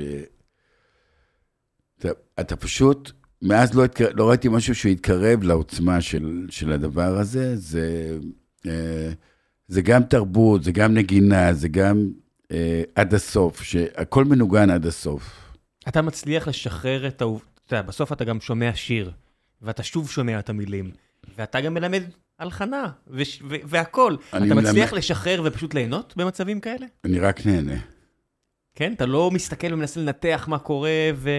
אני רק, אני אגיד לך מה קורה. השיעור שלי הוא מובנה בצורה כזאת שאני פותח בעשר דקות ונותן תרגיל חדש כל פעם. והתרגילים הם נורא מגוונים. זה יכול להיות, אה, אני נותן להם איזה טקסט קצר של דני מינסטר. וכאשר אתה פוקח את עיניך, הבוקר הופך להיות אחר הצהריים מאוחרים, והנה יורד הערב. בוקר, אחר הצהריים, ערב. ופתאום הם מגלים שבתוך המילה אחר הצהריים המאוחרים יש אחרה, יש את המילה חרא.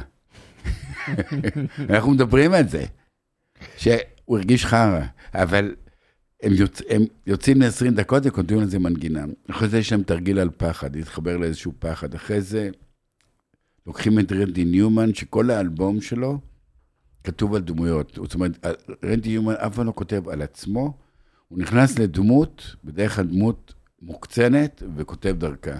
כן, זה קצת, יש מוזיקאים כאלה כמו The Clash, London Calling, שזה סיפורים של דמויות, יש כל מיני, נכון. ניומן, זה, זה כאילו ידוע, כמי נכון. שקורא הרבה על מוזיקה, אני מכיר את. ה- התפקיד שלי זה לשבת בכיתה, באמת, אני לא אומר כלום, אני אומר להם, תשמעו, אני כמעט ולא אגיד לכם כלום, זה קצת מעצבן אותם. בגלל זה בני אבא רבי ממציא שאני לא אוהב אותו. הוא משלים את החסר, כי no emotion זה או emotion חיובי או שלילי לפרשנות הבן אדם. ממש ככה, יפה. הנה, אתה רואה, פתרת לי משהו שלא חשבתי עליו, אבל זה בדיוק ככה. אני אומר להם בתחילת השנה, שבגלל שאני לא נותן ביקורת, אז יש את המצב שהם חושבים שאני מעדיף מישהו על מישהו אחר.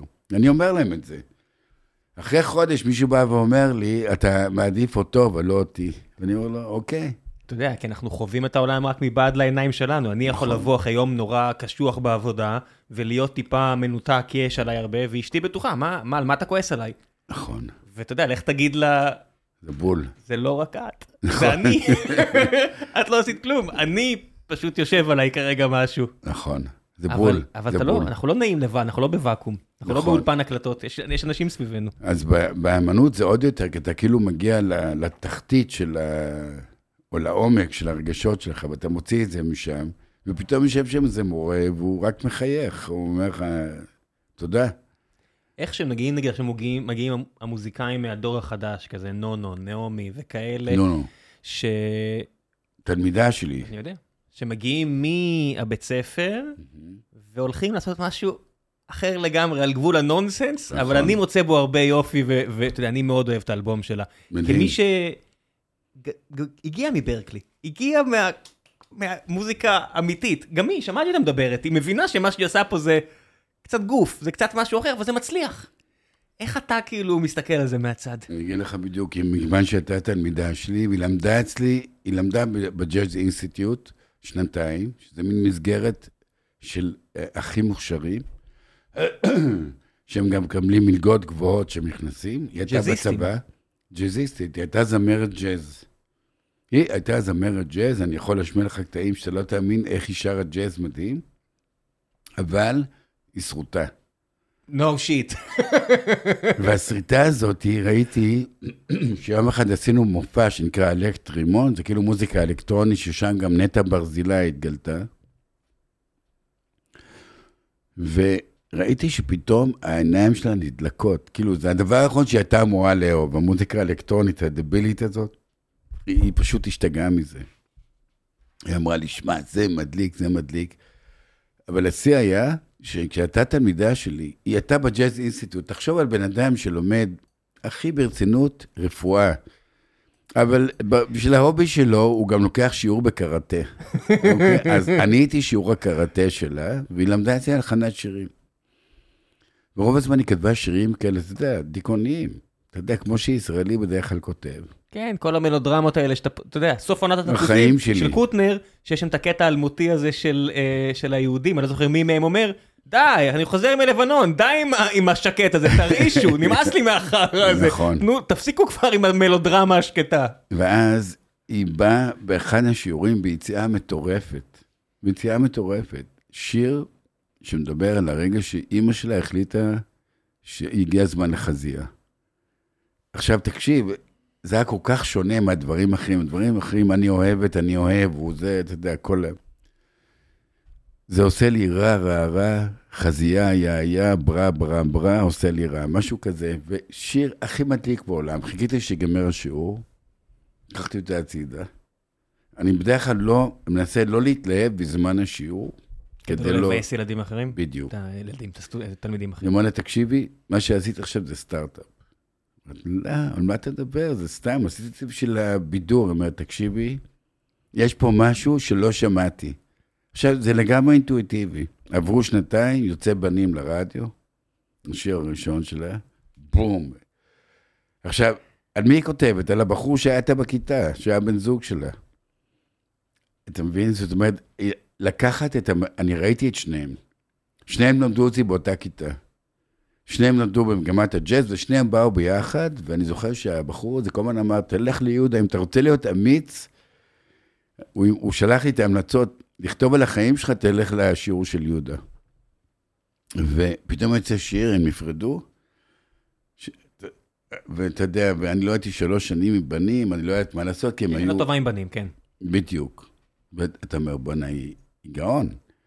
היא גאון, והשיר הזה התפוצץ, ואחרי זה Living the Dream, כל מה שהיא עשתה, אה, היא גם שיתפה שם את אילי אש- אשדוד, ש... ואת הבן של ששון גבאי, אדם. כאילו, הם היו חטיבה שעשו משהו ביחד, אבל הם, הם לקחו את זה למקום שכיף לה לעשות. שכיף לה לעשות. אתה יודע, במובן הזה, כל הזמן אמרתי, נונו היא כמו דני סנדרסון, כי הרי, מה זה האלבום הזה, סיפורי פורגי? על מה הוא כתב? מי זה פורגי? מה זה אה, אוכל את הציפורניים? מה זה אה, המגפיים של ברוך? זה נונו. זה הנונסנס של שנות ה-70 ו-60. זה אותו דבר, זה בדיוק כמו נונו, כל הזמן למה את מתחפשת? היא לא מתחפשת, היא פשוט עובדת דרך דמויות, דרך... כן, אתה מבין שכל בן אדם שאומר למה את מתחפשת, יכול לשמוע את דיוויד בוי, ולא נכון. להבין, ולהתלהב. או את ו- סיפורי פורגי. כן, ולא להבין שכוורת ובוי וכולם, המסביב, זה, אין, אתה לא יכול להפריד את זה. אתה לא, לגמרי. אתה לא מהנדס הם מוזיקה, כל הזמן אתה שואלים את מוזיקאי. נונו, את נעמי גל, אני מכיר אותה נעמי גל, אהרוני. כל הזמן שואלים את נעמי, תגידי, מתי אה, כבר תכתבי נורמלי? זאת אומרת, אני לא יודע, אני נורא נהנית בינתיים. היא כאילו מתנצלת, היא אומרת, צריכה להגיד, זה הנורמלי, מפה, מה... זה אני. כן, מה, מה, מה יש לכם, מטומטמים? יש פה אלבום מטורף. וואו, איזה אלבום. אתה יודע, אלון והילדים שלו, הם groupies של האלבום הזה. אתה יודע... אנחנו בבית שומעים את זה, כל המשפחה. לגמרי, לגמרי. כן. אתה יודע מתי הפסקתי? שזה השתלט לי על החיים. הייתי באיזה טיול עם המשפחה, שמענו את זה בלופ, ואני לא הצלחתי לברוח. מכל מקום שהייתי, השירים האלה בוקעים לי מהראש, בשינה, בזה אמרתי, רגע, רגע, השתלט עליי.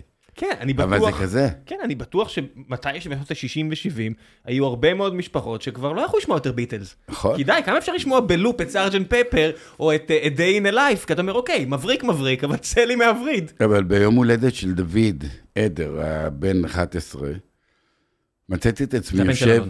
הבן של אלון, יושב ומנגנים ביטלס ביחד. שמע, זה לא ייאמן, הוא שר את המילים, הוא שר את המנגינות, מלא? רגש. מה מנגנים? היי ג'וד. ואתה מדבר על המשמעות של מדבר על השיר? Blackbird, כי היי ג'וד, מה זה, הורים מתגרשים נראה לי, אתה יודע. לדעתי הוא יותר מבין ממני. הוא... כי היום עם, אה, עם אה, כל הג'יניוסים, ראפ ג'יניוס וכל אלה, אתה יכול גם לראות את המשמעות של השירים בקלות. נכון, נכון.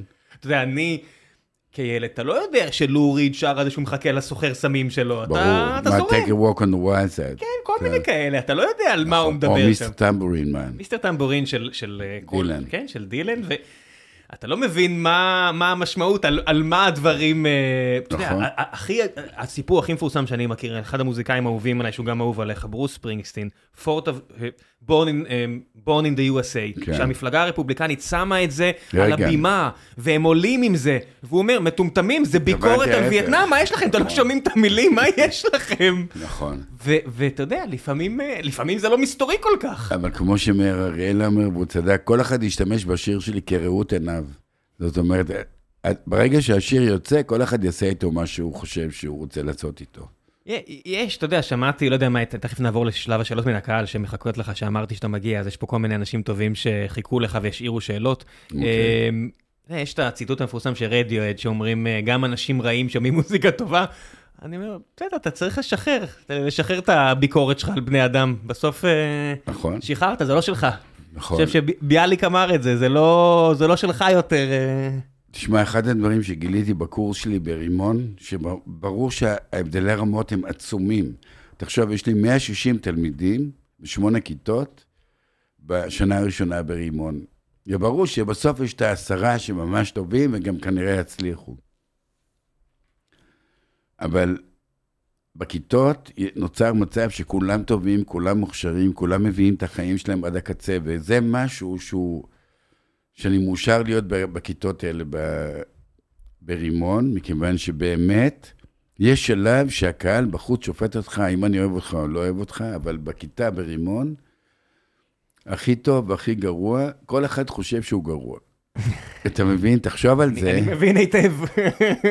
אני זוכר, יש מישהי שנורא מוכשרת, דניאל רובין, אני מאוד אוהב אותה. היא נפלאה, היא תפרוץ. והיא כתבה אצלי שיר, ואמרתי לה, וואו, זה מדהים, היא אומרת, זה היום. כל הזמן התגובה של אנשים שהייתי אומר להם, בצד, אתם טובים? לא, לא, זה לא טוב, זה לא טוב. התלמיד, הרבה פחות טוב ממנה, יכל לגרום לה להרגיש רגשי נחיתות. במציאות של הכיתה. אחרי זה במציאות הגדולה זה מי מביא קהל ומי לא מביא קהל. אבל יש שלב ש... כל אחד יכול לרסק אותך. ש... וזה נכון, אתה יודע למה? כי כל אחד שכותב על אימא שלו, זה נכון שאתה רוצה שיכתוב את זה ביותר כישרון, אבל עדיין זה מרסק אותך. זה אימא שלו. זה אימא שלו, זה החיים שלו, ואין בן אדם שלא מרגש. באמת, זה השיעור שלי, הלחנת שירים א' מבוסס על זה שאין בן אדם שלא מרגש, בסוף הכישרון מנצח כשאתה יוצא החוצה. כן, תחשוב איזה אמיר לב כזה שכותב על המערכת יחסים המורכבת עם אימא שלו. נכון. תחשוב כמה אנשים פתחו פה על אחד מהשירים המושלמים שנכתבו פה, ולמה הם פתחו פה? כי הם חושבים שהם מבינים משהו. כי הם טועים לחשוב שהם מבינים משהו. נכון, אבל אתה יודע, בסוף אה, יש פנינות שברגע שיוצאות, fuck them. נכון, כל מי שאמר אחרת, fuck them, זהו. נכון. זכינו, זה שלנו, זה, קיבלנו עוד אחד. אה, בואו נעשה קצת אה, שאלות מן הקהל שחיכו לך, יש פה הרבה אנשים ששמחו מאוד שבאת. אה, יוסי רוזנברג שואל, מה מייחד את אריאל זילבר כמוזיקאי? שם שלא העלינו פה עדיין. קודם כל, לדעתי, הוא... זכיתי לעבוד עם שלום חנוך ואריאל זילבר, שבעיניי הם כותבי השירים הכי טובים. אריאל זילבר, יש לו אפילו משהו עוד יותר ייחודי. הצורה שהוא כותב שירים, וגם בחלק מהשירים הוא גם כתב את המילים, אני חושב, מסך עשן ובטי בם, אה, היא כל כך ייחודית. הצורה שהוא שר והצורה שהוא מנגן, אין שום דבר שדומה לזה. ובסוף היום, מה שמייחד את מאיר אריאל, במובן הזה, כמו אריאל זילבר, שפני הם ראש בראש בעיניי במוזיקה הישראלית, זה, שיש, זה משהו שאתה... אין דבר כזה. זה לא דומה לכלום. מאיר אריאל זה לא דומה לכלום. נכון, יש שם אלתרמן ויש שם קיבוץ, אבל אריאל זילבר, הצורה שהוא שר, הצורה שהוא מנגן, הבאסים שהוא מנגן ביד שמאל. אתה שומע דברים שהוא עושה, החברה להגנת הטבע, דו דו דו, הבאס של יד שמאל, מוזיקלית זה כמו בן אדם ש, שגמר תואר שני במוזיקה, והוא באמת גם באמת בן אדם מאוד מלומד, אז כן, אני... כל אני, התרכובת שלו, הוא גם בן של זמרת נורא ידועה, של ברכה צפירה, התרכובת שלו היא ייחודית. שני הבנים שלי, השיר שהם הכי אוהבים בישראל אי פעם, זה שמש שמש. שמש. כי שמת את זה כל כך הרבה פעמים? לא, פשוט קלטו את זה? ממש לא, הם פשוט, הם מר- מרגישים את הייחודיות של ה... זה, זה מדבר עליהם, זה כן, פשוט עבורי מדבר. זה, זה רישומי פחם, אה, מלבד... אה, האלבום רישומי פחם? רישומי פחם האלבום, מלבד אלג'יר אה, ומנועים קדימה, אז אצלי זה רישומי פחם. וואו. זה, זה אלבום שלא אכפת לי איך הוא מבצע אותו, לא אכפת לי איך ביצעו אותו אחרי זה, אני יכול להסתכל על זה כספר, תביא לי איזה מילים. כן. זה... ואיזה שיר ברישומי פחם? הכל. מה, משיר המקצוע, שאין בן אדם שלא קורא את זה ואומר... אני שמעתי אותם בריל טיים, אתה צריך להבין, כל שיר הוא היה. קורא לי, ואומרים יהודה, תשמע, מה אתה אומר? אז, באמת- אז, אבל אתה מה יודע, שיהיה להגיד? רישומי פחם המקורי זה הרים של מלנכוליה. אתה יודע, זה כבד. כן, הבאס בבלון. הסבלון וחיית המתכת, ולא יודע, שתיים, אתה מבין? וואו. זה, זה, שוב, הם מדברים על מספרים. כן, כן. ו... ואתה שומע, אתה יודע, חזון דניאל, ואתה... אני יכול עכשיו, כל בן אני אדם, יודע שאלון זה האלבום שהוא הכי הרבה שמע. בן אדם עכשיו יקריא את חיית המתכת, ואין בן אדם שלא אה, יגיד, מדויק להיום, עזוב שנכתב לפני 30 שנה, כן. מדויק להיום, אין בן אדם שלא חותם על מה שכתוב שם. כן, כן. ו... וזה, אתה יודע, אני לא יודע אם יהיה, אני לא חושב, אין שום דבר שמתק... עניות דעתי, אני, דעתי באמת ענייה, אבל כשאתה מסתכל על רישומי פחם, זה מושלם. אין שם שיר שהוא לא, כן. שהוא לא מושלם אני מרגיש. ככה גם על האלבום הראשון והשני של מאיר אריאל. על, אתה יודע, על שיר כמו ארול, שיר כאב. אה, על משהו שיר אחר. תת מודע זמני, נכון. ארול זה, זה, זה מוזיקה, זה סיפור, זה כל אחד מכיר את הבן אדם הזה שהתפספס. כן. שיכל להיות משהו, שכולם אהבו אותו והתפספס, אם אתה כן. חושב אנשים שלא איתנו בגלל הצבא, או כן. סתם כי החיים לא התלבשו להם, אבל זה משהו אחר. רישומי פחם זה, זה ביקורת על המציאות, זה ביקורת כן. על המדינה, זה ביקורת על הקיום האנושי, זה, כן. זה מעל הכל, לא יודע, זה... וגם זה היה בזמן שהמצוקה הכלכלית שלו הביאה אותו למצב שהוא היה צריך לנגן בעצמו, ואני חושב שיש שם רק אקורדיון של דורון פיקר, שכנראה הסכים לבוא ולנגן, אבל באופן כללי הוא... זה, אתה יודע, רישומי פחם זה בצבע, מצוקה, מבחינת ביצוע. כן, הרבה שנים אחרי, רישומי פחם בצבע יותר טוב כמוזיקה. כן. אבל... לא, ברור, ברור. זה אבל לא- רישומי פחם זה ה... אתה יודע, ליאונרד כהן, הללויה, בלי המוזיקה, זה שיר מדהים, אבל עם המוזיקה זה masterpiece. ברור, ברור. אבל אני הולך על המקור פה, כי... כי יש דברים שצריכים להיכתב רע. נכון. צריכים להיות מבוצעים רע. נכון, נכון. לא, אני לא רוצה להיות תמיד שמח, כמו מה שאמרנו על סוף עונת התפוזים, אתה יודע, נכון. לפעמים כשאני חוזר מ... אז זה קצת, אתה יודע, בישראל יש את זה. fucking ירו עליי. יריתי על אנשים, אני חוזר הביתה, אני לא רוצה הפי הפי ג'וי ג'וי או מלודר- מלודרמה על ההיא עזבה אותי אימא. בא לי, אתה יודע, כן, קצת ברור. to soak in. ברור. אז בוא נעשה עוד אז קצת. אבל עניתי על אריאל זילבר, שהוא. הכי ייחודי בעולם, באמת. אה, יש פה הרבה שמחמיאים לך על הילד, תגיד לו שהבן שלו נשמע קסם. טוב, אין מה לעשות. כשאתה מוציא מישהו כזה מוכשר, אתה כבר לא מרכז הסיפור, יהודה, אין מה לעשות. כיף. אה, מה זה הכי הסיפור? כיף שיש. מה הסיפור הכי מופרע, מוזר, מצחיק שאתה זוכר מהימים ממאיר אריאל? אבשלום בן צבי שואל. אוקיי. סיפור אמיתי. לפני איזה חמש שנים, יואב קוטנר ואני מוזמנים להופעה ב... ב... אה, בשלומי מעלות, יש שם איזה מלון מפואר, אתה לא מאמין, אבל יש. ופתאום יחידת מודיעין מסווגת מאוד, ביקשה שנופיע. יש לנו איזה תוכנית על מאיר אריאל. לפעמים אנחנו מופיעים בהרכב גדול, לפעמים זה רק יואב ואני, ובאנו ומכינו שם חוברות שמתארים את החיים שלי, של יואב קוטר ושל מאיר אריאל, ועם השירים, כל מיני, השירים האהובים על היחידה הזאת. אנחנו צריכים להופיע, ואנחנו רואים שכולם, מתברר לנו שכולם מאלוף משנה ומעלה עד ראש חיל המודיעין, שזה תמיר הימן. הוא עכשיו אה, מככב כל הזמן ב... בחדשות ערוץ 2 וערוץ 13, הוא כאילו הפרשן מספר אחת של מה שקורה היום ב... אוקיי. ותומר הימן, שקוראים לו תומר הימן. ואני נורא נורא מתפלא, אני אומר לעצמי, מה זה הדבר ההזוי הזה? זאת אומרת, תחשוב, מין מועדון כזה, של אנשים שהם בני 45 ומעלה, ובסדר, אנחנו מתחילים את התוכנית שלנו, ובהם, ותמיד אני מספר על הקטע שלי ולמאיר אריאל, אותה הופעה בנפח, היו 100 חיילים. התחלנו את אה, שני חיילים מקסיקני, התחלנו עם השירים שלנו, לא עברה דקה, ידעתי שלי, ארול, כבר לא נשאר אף אחד. הלכו. הלכו. זאת אומרת, הם באים בפקודה והם גם הולכים לעזוב. נשאר בן אדם אחד. ואתה עושה לירושלים של זהב? מה אתה- מה אתה שר לו? לא, ו- ואני אומר למאיר, בוא נלך. יש לי גם עד, כי הבאתי גם קרוב משפחה שלי להופעה הזאת, הוא היה בצד. הוא אומר, אני לא מאמין שהמשכתם אה, להופיע, והמשכנו לבן אדם אחד. לבן אדם האחד הזה. אתה מבין שהבן אדם הזה מספר לאנשים, אם הוא עדיין חי איתנו, הוא מספר לאנשים את הסיפור הזה ואף אחד לא מאמין לו. תקשיב, זאת הפואנטה. ואני מספר לך, לקבוצה הזאתי, על הסיפור הזה שאני מספר תמיד, היה בנפח, באופן, ונשאר בן אדם אחד. ואז קם תומר הימן, אלוף פיקוד המודיעין, מודיעין, איך זה נקרא? לא יודע.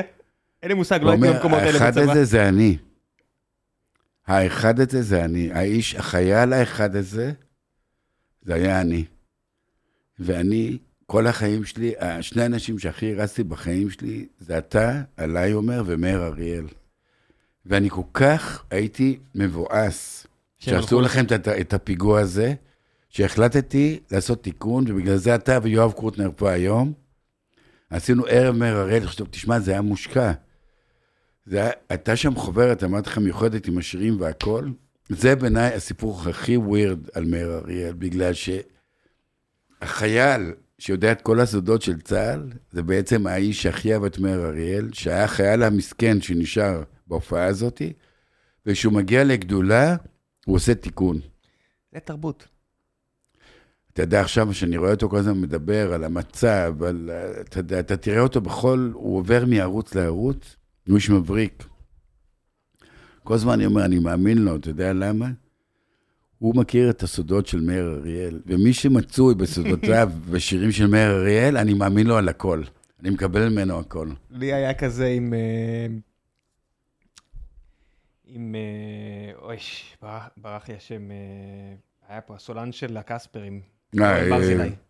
כן. ואחרי השיתוק שהיה לו, והוא עולה להופיע באיזה מקום בבאר שבע, והגעתי, כי אני כל כך אוהב את המוזיקה שלהם, והיינו עשרה אנשים, חמישה עשר אנשים, והם נותנים הופעה מטורפת. כן. ואומרים, תקשיבו, לא אכפת לנו שאתם רק פה איזה עשרה, חמישה עשר אנשים, תביאו את החברים שלכם פעם יהיה לנו יותר כיף, או משהו כזה, אם אתם כל כך נהנים, תביאו את החברים שלכם. בדיוק. אמרתי, אני חייב להביא אותו, להגיד לו את זה, שהייתי שם. וואלה. שאני הוא הייתי זכר שם. את זה? לא, לא. ואמרתי לו, הבאת את ההופעה הכי עוצמתית שאני זוכר, והיית מול עשרה אנשים. כן. זה לא, אתה יודע, ארול, אתה יודע, זה, זה רוק, רוק, אתה יודע, אתה מתפרע על הבמה, ומולך עשרה ווירדוס בבאר שבע.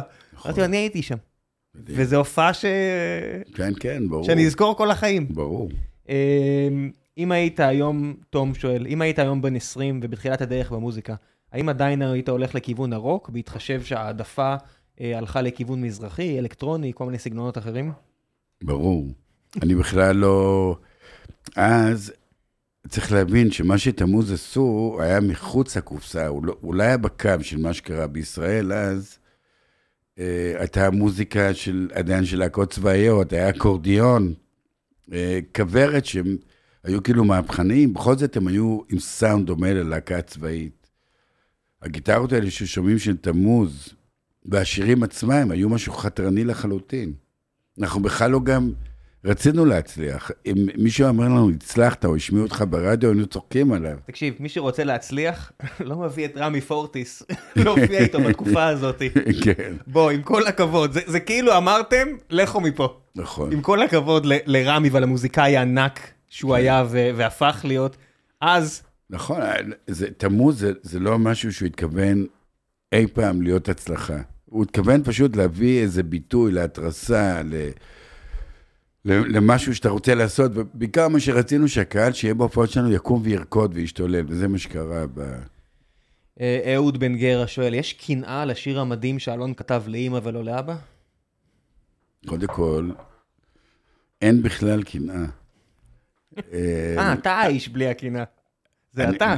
כל חיי חיפשתי אותו. אני אגיד לך למה, אני כל כך, אני מרוצה נורא עם הגיטרה שלי. באמת, כאילו, למזלי, אני לא כותב שירים, זאת אומרת, זה לא ה major, אני גיטריסט, ואני כל כך אוהב להיות גיטריסט.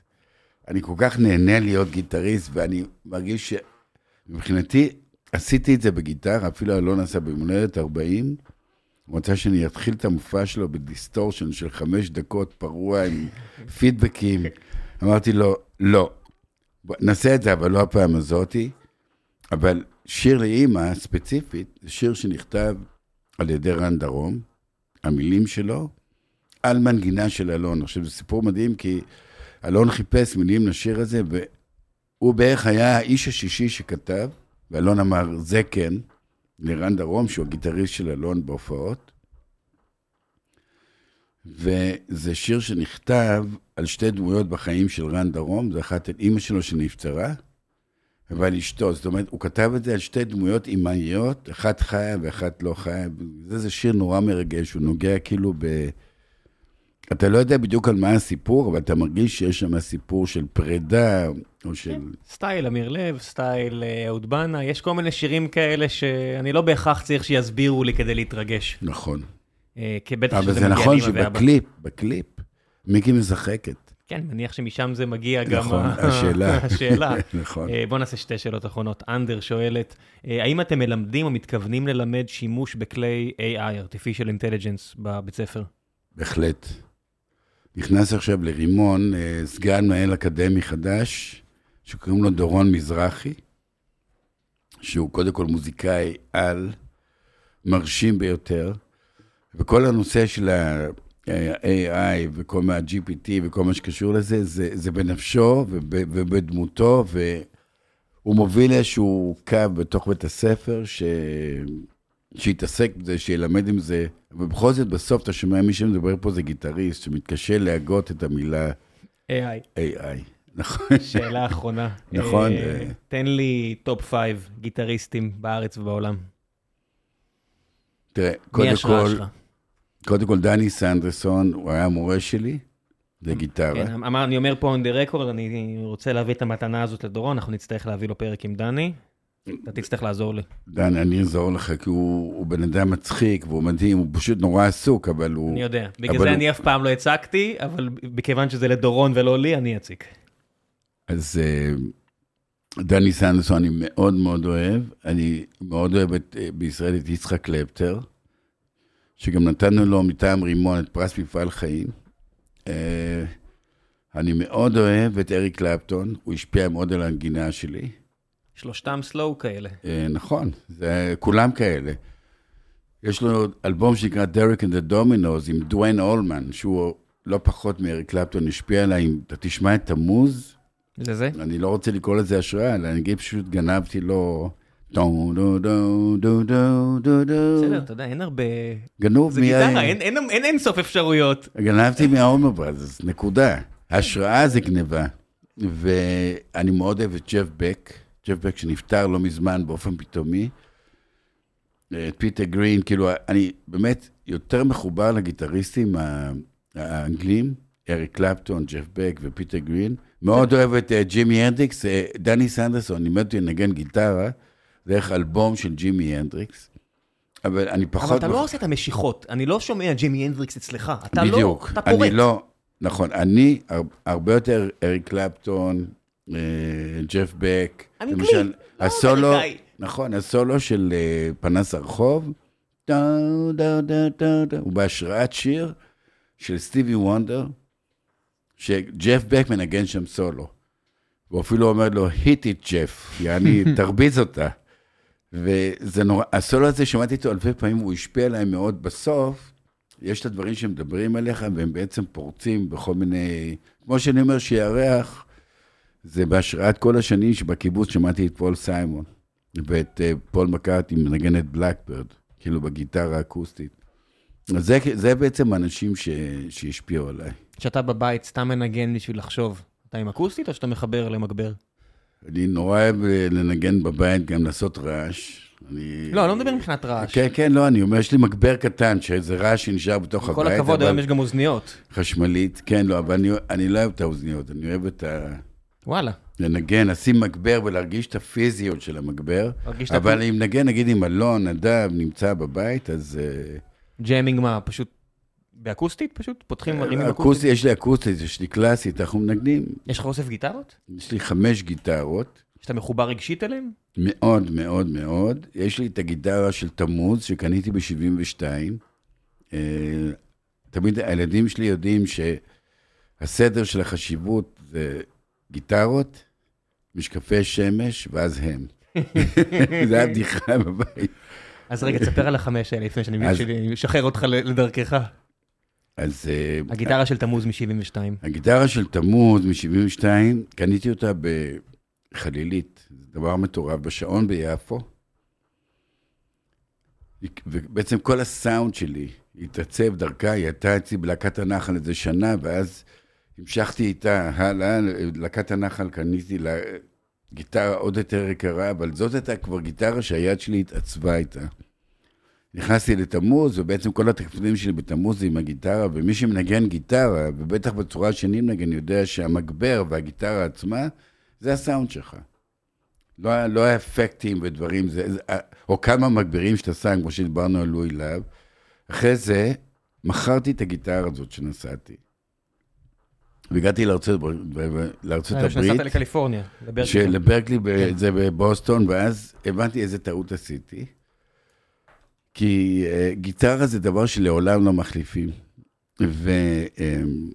וקניתי שם גיטרה, שזה היה חלום שלי, סטרט 57, סטרטוקסטר, הבאתי אותה, זו הגיטרה שמנגנת בדודה, זו הגיטרה שמנגנת החשמליות במאיר אריאל, בשלמה ארצי, בהרבה אלבומים היא מככבת, יש לה משהו מאוד פעמוני ומתוק ו- ויפה.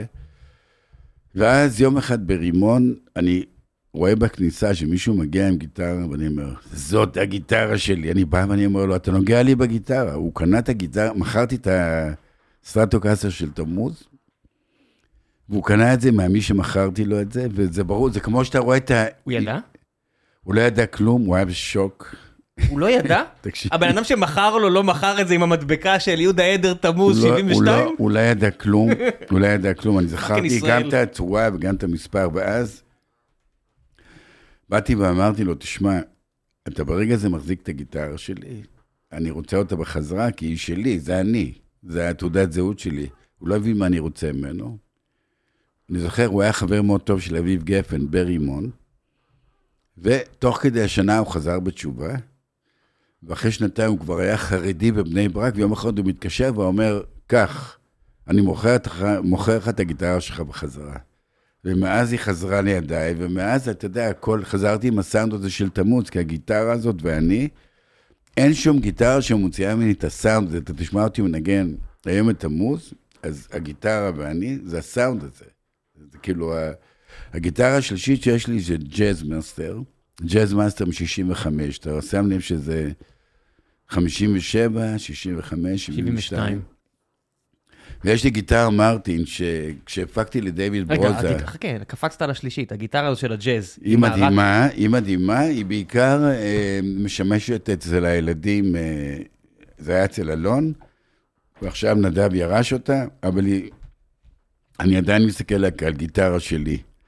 זאת אומרת ש... אבל הם מנגנים בה, אלון ניגן בה בהופעות שלו, אה, ועכשיו נדב משתמש בה, הוא מוזיקאי נדב, הוא גם שחקן.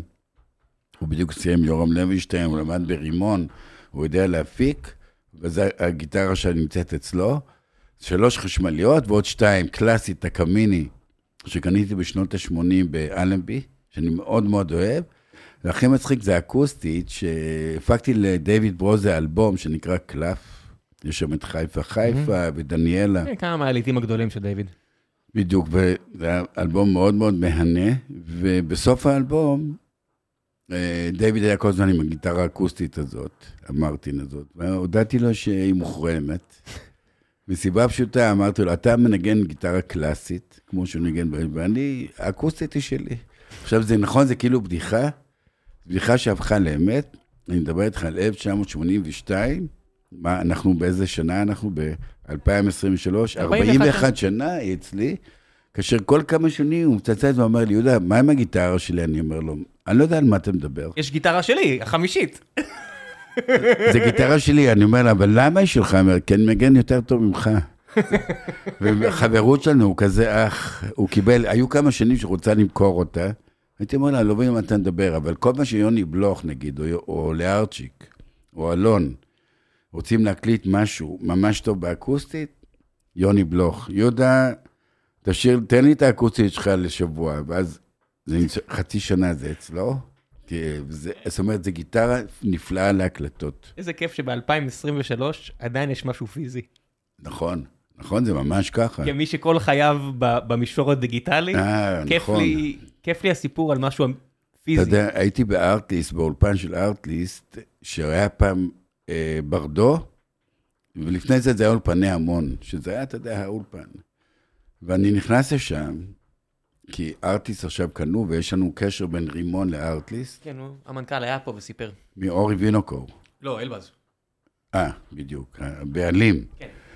אז, כן, כן, הוא בן אדם נחמד. ובקיצור, נכנסתי לאולפן, ובצד שמאל יש את הבודקה של באמת חצי מטר על מטר, שם ניגנתי את ירח.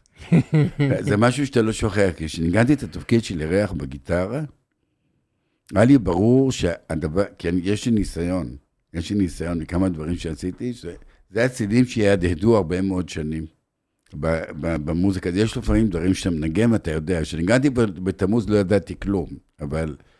לשלמה ארצי ידעת. לא, זה גם היה, מ-75 זה היה 6, וירח היה ב-92. אז כבר עברו המון שנים. אתה כבר נוסע יותר חכם. וגם השיר וגם הצורה שאתה מנגן, אתה יודע שאוקיי, אתה, המסר שלך הולך לעבור. קרה ו... פעם שהיית מעורב בשיר שאמרת, בואנה, זה הולך להיות עצום, וטעית? מלא פעמים. מלא פעמים. עם השנים אני טועה הרבה פחות, אבל בייחוד באלבום של דיוויד ברוזה, אה, אני הלכתי, אה, נסעתי עם האלבום הזה לאנגליה כדי לעשות מאסטרינג, אף אחד לא יודע מה זה, אבל פעם היה עושים לאלבום אמיתי, וייניל. והגעתי לאיזה בן אדם שעשה להיטים של אה, אלטון ג'ון ואריק קלפטון וזה, והוא לא הבין עברית, אבל הוא שמע את האלבום, ואני אומר לו, ואני בניתי על כל מיני שירים. אני אומר לו, תגיד לי, מה הלהיט של האלבום? הוא אומר לי, דניאלה. דניאלה. ואמרתי, טוב, הוא אידיוט, צדק, צדק לגמרי. ואז כמפיק מוזיקלי הבנתי שבכלל לא ראיתי את האלבום הזה נכון. אתה יודע, אני עובד הרבה יותר uh, מאורגן ו... לא שאלת אותי על רימון, אף שאלה, זה לא מעניין אותך. בוא נדבר קצת על רימון, יש לנו זמן. כן? אתה רוצה? אני הייתי מת לדבר איתך על השלוחה בעכו. יאללה. אני אגיד לך למה. כאילו, רימון קם לפני 40 שנה. ובעצם הגענו, החלום שלי התגשם. באמת, החלום שלי התגשם. שני הבנים שלי למדו שם, הנכד שלי לומד שם עכשיו, בשבוע הבא הוא מתחיל עוד איזה קורס, וזה קרה. אבל פתאום לפני כמה שנים נוצרה הזדמנות להקים שלוחה של רימון בעכו. ובעצם... מתי זה? לפני, אנחנו עכשיו סיימנו שנה ראשונה, מתחילים שנה שנייה בעכו. וזו כן, שלוחה כי- אקדמית. אני לא סתם אומר, כי שנתיים אחורה עכו, ישראל היא פחות או יותר בנקודה הכי חשוכה שלה שאני חוויתי, אפילו יותר ממה שקורה עכשיו. אתה צודק. אני, כאילו, אתה יודע, אנחנו עכשיו צוחקים על, לא צוחקים, אנחנו עכשיו בוכים על מלחמת אזרחים בין היהודים, אני, אני די בטוח שזה יצליח להיפתר. את מה שהיה לפני שנה וחצי בעכו, זה ב... לי אישית היה, אני לא זוכר מתי קמתי בבוקר, ואיך אתה נתקלת חושך. בזה? מה? איך איך אתה בעצם נתקלת בדבר הזה? לא יודע. אתה לא יודע כמה אתה צודק, אני אגיד אני, לך. אני באותו יום אמרתי לבת זוגי, אני, אני לא, זה, זה שבר עבורי, אני לא יודע איך אני, איך אני אוכל... במאי לפני שנתיים או משהו. כן, כן, אני לא יודע איך אני אוכל להיכנס לעיר ערבית יותר. זאת אומרת, אני מרגיש שמשהו פה נשבר, ואמרתי, אני לא יודע אם זה אי פעם, זה ישתנה, ולמחרת הלכנו לאבו גוש, כי, חז... כי טיילנו בהרי ירושלים, ונכנסנו. למסעדה, שאנחנו שם. אוכלים, שאנחנו מאוד אוהבים, ומאוד אוהבים את הקינוחים שהם מכינים, והיינו לבד במסעדה. וואו. ו... ובאתי, אמרתי לו, אני אמשיך להגיע. כי זה היום אחרי שאמרתי, אני לא יודע אם אי פעם נצליח לחזור, ולמחרת אני באבו גוש. ואמרתי, אני פה. אני אתה לא יודע כמה אני אתה לא, צודק. אני לא יודע לאיפה אני אלך, אני פה. אתה לא יודע כמה אתה צודק, כי אה, הרי התחלנו את התהליך בעכו לפני כמה שנים, ארבע שנים, משהו כזה, ששמעון לנקרי, ראש העיר המדהים שלהם, שעכשיו מסיים, אז לי גם בעיה להאדיר אותו אחרי 20 שנה, פנה אלינו. קודם כל, הוא הדהים אותי ביחס שלו אליי באופן אישי. אה, משהו לא של פוליטיקאי, אלא של בן אדם שכל כך אוהב מוזיקה ומעריך מוזיקה. זה, זה היה משהו אחר מההתחלה, כי אתה צריך להבין, ההצלחה של רימון היא כזאת היום, שכולם רוצים להיות רימון. כל עיר בישראל היום פונה מתישהו לרימון ורוצים להקים שלוחה. אנחנו עושים מלא דברים עם הדבר הזה, עם קהילות אה, בכל הארץ, מלא תלמידים שלנו תורמים את הכישרון שלהם לכל מיני קהילות של צרכים מיוחדים. אבל פה היה ראש עיר שנתנו לו הצעה שהיא בלתי ישימה לחלוטין, כשהוא פנה אלינו, והוא הלך על זה. תספר. היינו צריכים לשפ... אנחנו רימון מלמדים, אז כל הקטע של הטכנולוגיה הוא מאוד מאוד מפותח. כל תלמיד שלומד ברימון חייב ללמוד להיות אחד שיכול להפיק את עצמו בעצמו עם כל התוכנות הטכנולוגיות וההמצאות שהכי חדשניות שיש היום. אז הוא, היינו צריכים להקים חדר מחשבים הכי מעודכן, שעלה הרבה מאוד כסף, והיו צריכים בכלל להקים אקוסטיקה. והיו צריכים לבנות חדרים מהסוג הזה, והחדרים הזה, הוא הלך על הכל. הוא השיג כסף ממשרד התרבות, הוא הביא כסף מהעירייה. הוא פשוט הראה לנו מה קורה כשראש עיר יש לו באמת חזון, הוא הולך על זה עד הסוף. אבל אני חוזר לקטע של מה שאמרת מקודם. זה, הוא כל הזמן אמר לי, יהודה, אתה לא מבין, אני הצלחתי ל... במשך 15 שנה שאני פה, או 16 שנה שאני פה, הצלחתי להביא ל... לעיר שהיחסים בין היהודים והערבים הם מושלמים. בנוער, במבוגרים, יש כזה כבוד, ו... ואז פרצה, שומר חומות. בדיוק, פרץ הדבר הזה. עד היום הוא לא התאושש מההלם של הדבר הזה. אני לא יודע למה, הוא לא אמר לי בדיוק למה, אבל הוא עכשיו מסיים 20 שנה, הוא החליט לפרוש, והוא בשיאו, שם, אתה יודע, כל פעם הוא זכה ב-90 אחוז מהקולות. ראיתי איך הוא עובד איתנו. ראש עיר ובן אדם הכי מדהים בעולם. אתה יודע כמה פעמים הוא היה ברימון עם התלמידים, ומצאנו מעונות ב...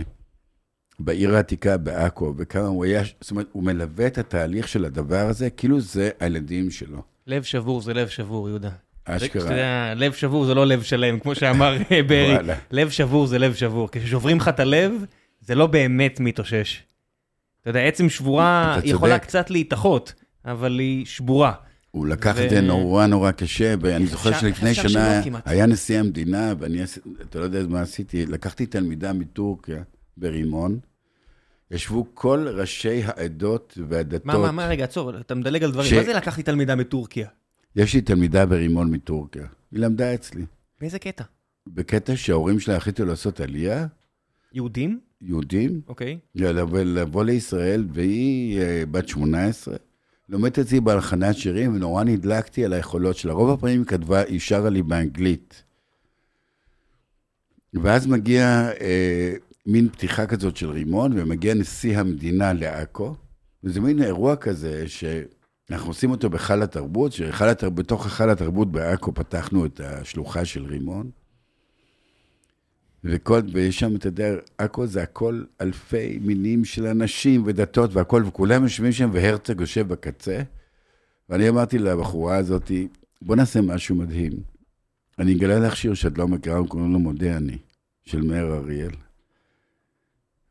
את הולכת לשיר את זה בטורקית.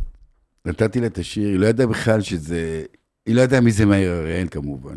היא תרגמה את זה לטורקית, ועשינו ביצוע שאני שר בעברית והיא בטורקית. מול כל הדבר הזה.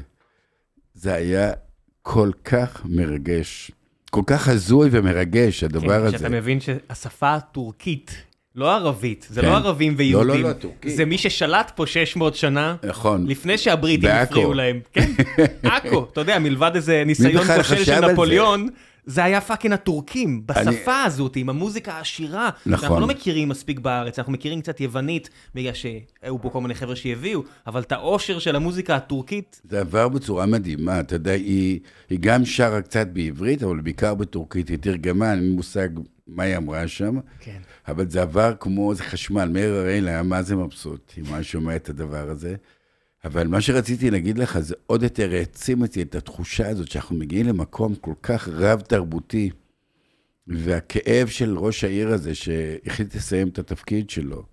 אני לא יודע למה, אני חושב שזה קשור לטראומה של, של היום הזה. אתה יודע, במקרה גם הייתי אצל אורי בורי, במסעדה שלו, במלון שלו, כן, הבן שהכל אדם עשה את נשרף. אחד המלונות הכי מפוארים, יש לו את אחד המוסדות הקולינריים הכי מפוארים בעיר שהייתה סמל לדו-קיום, בדיוק. ובאו ילדים, זה לא כל הערבים. שלא תתבלבלו, גם בצמתים בדרום, שאני כבאר שבעי והחבר'ה שלי שלא יכלו לצאת לכביש כי היו שוחטים אותם. כן. ב-2022, 2021, לא מדינת יאומן, ישראל, לא יאומן. כאילו חזרנו 100 שנה למראות תרפ"א ותרפ"ט ו- וכאלה, וזה, וזה הצעירים שאיבדו קשר למדינה, והמבוגרים שלא יודעים כבר להרגיע אותם, ומשטרה שלא יודעת בכלל לעשות עם זה, והפקרות מוחלטת, ומפעל חיים כמו של אורי, ש... נכון. וואלה, שרפו אותו במטרה לשרוף אנשים שם. לגמרי. לא רק מבנים. לגמרי. לא הוא- מפעל חיים. הוא סיפר לי על זה, הייתי כמה פעמים, אתה יודע, הוא גם מאוד מאוד בעד העניין שהקמנו את רימון בעכו. הוא- בקיצור, לפני שנה פתחנו שנה, 44 תלמידים, לצערי רק ארבעה מהם ערבים, אבל מוכשרים נורא, אבל אנשים שונים לגמרי מרימון הרגיל. אני לא יודע איך להסביר לך, אתה לא יודע כמה אני נהנה, זה כמו שהקמנו את רימון, גם כן, בחמש שנים הראשונות הגיעו אנשים מופרעים, מוזרים, הזויים, כמו שאתה רוצה. אה, כן, לא כולם זה נעמי ואביב, יש כאלה יסמין שמגיעים מאיפה שאני הגעתי, אתה יודע, זה לא... לגמרי, לגמרי. אתה יודע, זה, דרך אגב, התברר לי שאבא של יסמין הוא מעריץ שלי, כי היא הייתה מופיעה ברימון, הוא היה בא לראות את ההופעות שלי. הוא גיטריסט. אתה אומר את זה כאילו זה לא... אתה יודע, יש הרבה אנשים שמעריצים אותך ואת המוזיקה שלך, בוא, זה לא... אתה לא איזה לא, אמן אבל זה- שוליים. אבל מה מופתע, שרציתי... שאתה אומר לי את זה בהפתעה. לא, זה היה מפתיע. אוקיי. אני אומר לו, למה אתה נמצא בהופעה שלי? והייתי בשבלול, הוא אומר, הבת שלך מופיעה עכשיו ברימון, אני אומר לו, אני אוהב רוקנרול. תן לי, זה איש מיוחד. בכל אופן, אה, השלוחה הזאת ברימון, 44, אה, בעכו, 44 תלמידים. אני, תלמידה שלי, בוגרת שלי, גליה בן סדון, תמיד ידעתי שיום אחד היא תנהל איזה משהו שאני ארצה שהיא תנהל, והיא מנהלת את המקום הזה בעכו.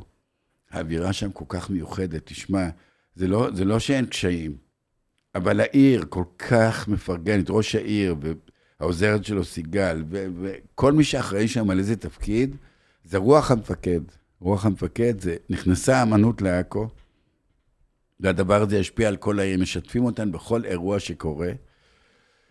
ולפני שבועיים הייתי במופע גמר של התלמידים, הם נתנו לנו עוד איזשהו מקום שם בחוץ, והפכו אותו למקום נורא נורא יפה, ופתחו את זה, זה היה מין, מיני וודסטוק כזה. ארבע שעות מוזיקה של התלמידים, בעיקר מוזיקה מקורית. ואני אומר, בוא'נה, זה, תרבות. זה פשוט לזכות בדבר הכי יפה שאתה יכול לחשוב עליו. באמת, אני, ואני כבר, חשבתי שראיתי הכל, שחוויתי הכל. אתה יודע, לפני שבוע הייתי בעכו לספר לתלמידים מתעניינים מה היה. אני, אמר, אני אמרתי להם, תקשיבו, זה לא כבר מה הולך להיות, כבר ראיתי מה היה. ראיתי מה היה, ראיתי מה קורה כש-40 אנשים מתכנסים בעיר עכו, שהיא לא עיר פשוטה, וגרים במעונות בעיר העתיקה. איזה דבר נוצר, אתה יודע, זה, זה, זה, זה, זה דברים שקורים גם ברימון, אבל רימון זה 700 תלמידים. אתה יודע, היום זה 700 תלמידים מכל הסוגים, ורימון זה גם שם. אני הולך לרימון, זה כבר משהו. הם הולכים לעכו, ואין להם את היוקרה של רימון ברמת השרון. זה קצת ניסן נתיב ירושלים שעברו את זה. או, או יורם לוינשטיין, שניסה בנצרת להקים בית ספר ל- לערבים, הוא מתקשה בזה, זה נורא לא פשוט. עיר קשה נצרת. עיר קשה נצרת. והוא, והוא, והוא אמר לי לפני שבוע, קח אותי לעכו, קח אותי לעכו. נצרת, אה, אתה יודע ש... כשהמשטרה אומרת, אנחנו לא פה, בני אדם לא טובים מטבעם. כן. לא משנה לאיזה אלוהים אתה מסתכל. זה שאתה מפקיר אנשים לטובת מי שמוכן להשתמש בכוח, אז זה נראה רע. הייתי שם לפני כמה שבועות, ואתה אומר, והייתי... מה ראית? תשמע, אני הייתי מגיע לנצרת אה, פעם בשנה. יש איזו קייטנה של אדם אה, יקר בשם יוסי ורדי, שפעם בשנה היה מכיר מארח... אותו. אז פעם בשנה יוסי היה מארח בכנ- את כנרנט, וזה היה אה, לפחות כמה שנים במנזר למעלה בנצרת. היינו מגיעים למטה, אוכלים באותו מקום, ואז עולים למעלה, והייתי מבקר את העיר לפחות פעם בשנה, ועכשיו כמה שנים לא הייתי. ו... וזה המערב הפרוע. אתה יודע, וואו. אתה הולך ל... ל... מה, זאת אומרת, אתה מרגיש שאף אחד לא שולט בשטח. מה, כל אחד עושה מה שהוא רוצה, ואתה יודע, ואני זה מה מגיע... שדייוויד ברוזה אמר לי על שועפאט. זה- הוא היה הולך לשם עם הגיטרה, אמרתי לו, תקשיב, הגיטרה לא תגן עליך. יום אחד מישהו יצא עליך. אז אני גם מאמין שמי שלא מחפש צרות, יש פחות סיכוי שצרות יפגשו אותו, כן, אבל עד גבול מסוים, כן? בדיוק. אבל אתה, אתה מריח את ההפקרות של המדינה. זה, והיישוב ליד נצרת, אם אתה מגיע מצפון ועובר שם, אתה אומר, is this Israel? זה ישראל 2023? ואז כמה, שבוע אחרי זה, שישה אנשים נשחטים שם כאילו זה המערב הפרוע. והלכנו לראות את הבית חולים האיטלקי, כי רציתי להראות כן. משהו לאשתי. והיה שם ניסיון חיסול ב... וואלה, באותו זמן? לא, לא באותו זמן, יומיים אחרי זה בחנייה, שהמשטרה עוד. תפסה אותם, שהם רצו לחסל מישהו בבית החולים, כאילו... זה המערב הפרוע, זה סיפורים של דודג'. זה, זה, זה סיפורים, שאתה יודע, של, של דברים מארצות הברית לפני 150 שנה, לא במדינה כן. שמכבדת את עצמה ו, ומבינה את החובה שלה לאזרחיה. ברור, תראה, על על עכו אני לא יודע מה להגיד לך. עכו, אני מסתכל רק על התלמידים שהגיעו, הם שונים, גם הם מגיעים מכל מיני מקומות הזויים בצפון. אתה צריך להבין, זה אנשים שלא יבואו לרמת השרון. אבל הם צמאי ידע ויצירה, וזה מזכיר לי נורא את החומר הגולמי והחלוצי, שאני תמיד אומר לחמש שנים ראשונות לאנשים שהיו תלמידים ברימון, היה אתי אנקרי ואביב, אתם מבחינתי גם כן הקמתם אותו בית ספר. כאילו, זה להאמין במקום שלא היה לו טיפת שם, לא היה לו יוקרה, לא כלום. אתה בא כי, אתה יודע, הסיפור של ערן צור, שאני מספר אותו, שהוא היה בדרך לאקדמיה בתל אביב, ואימא שלו אומרת לו, רגע, רגע, תעצור, שמעתי על מקום חדש שפותחים ברמת השרון, לך תבדוק את זה. אימא שאומרת לבן שלה, אל תלך למקום הבטוח, לך, לך לפרועים האלה, ואני זוכר שארבעתנו, ארבעת המייסדים עומדים מולו, אומרים לו, אל תלך לאקדמיה, אתה תקבל פה הרבה יותר. ושם הוא הקים את טאטו, את ההרכב הראשון שלו, והוא פגש את אלונה מה דניאל. שנהיה לכרמלה גוסה וגנר אחרי זה. בדיוק, כן. בדיוק. יהודה, תודה רבה רבה רבה על הזמן שהקדשת לי. אני ממש התרגשתי לדבר איתך. כיף. אני, אני חושב שאני יותר ממך, אבל בסדר, אני... לא אני... בטוח, לא בטוח. לך תדע. ביי ביי. יאללה, תודה.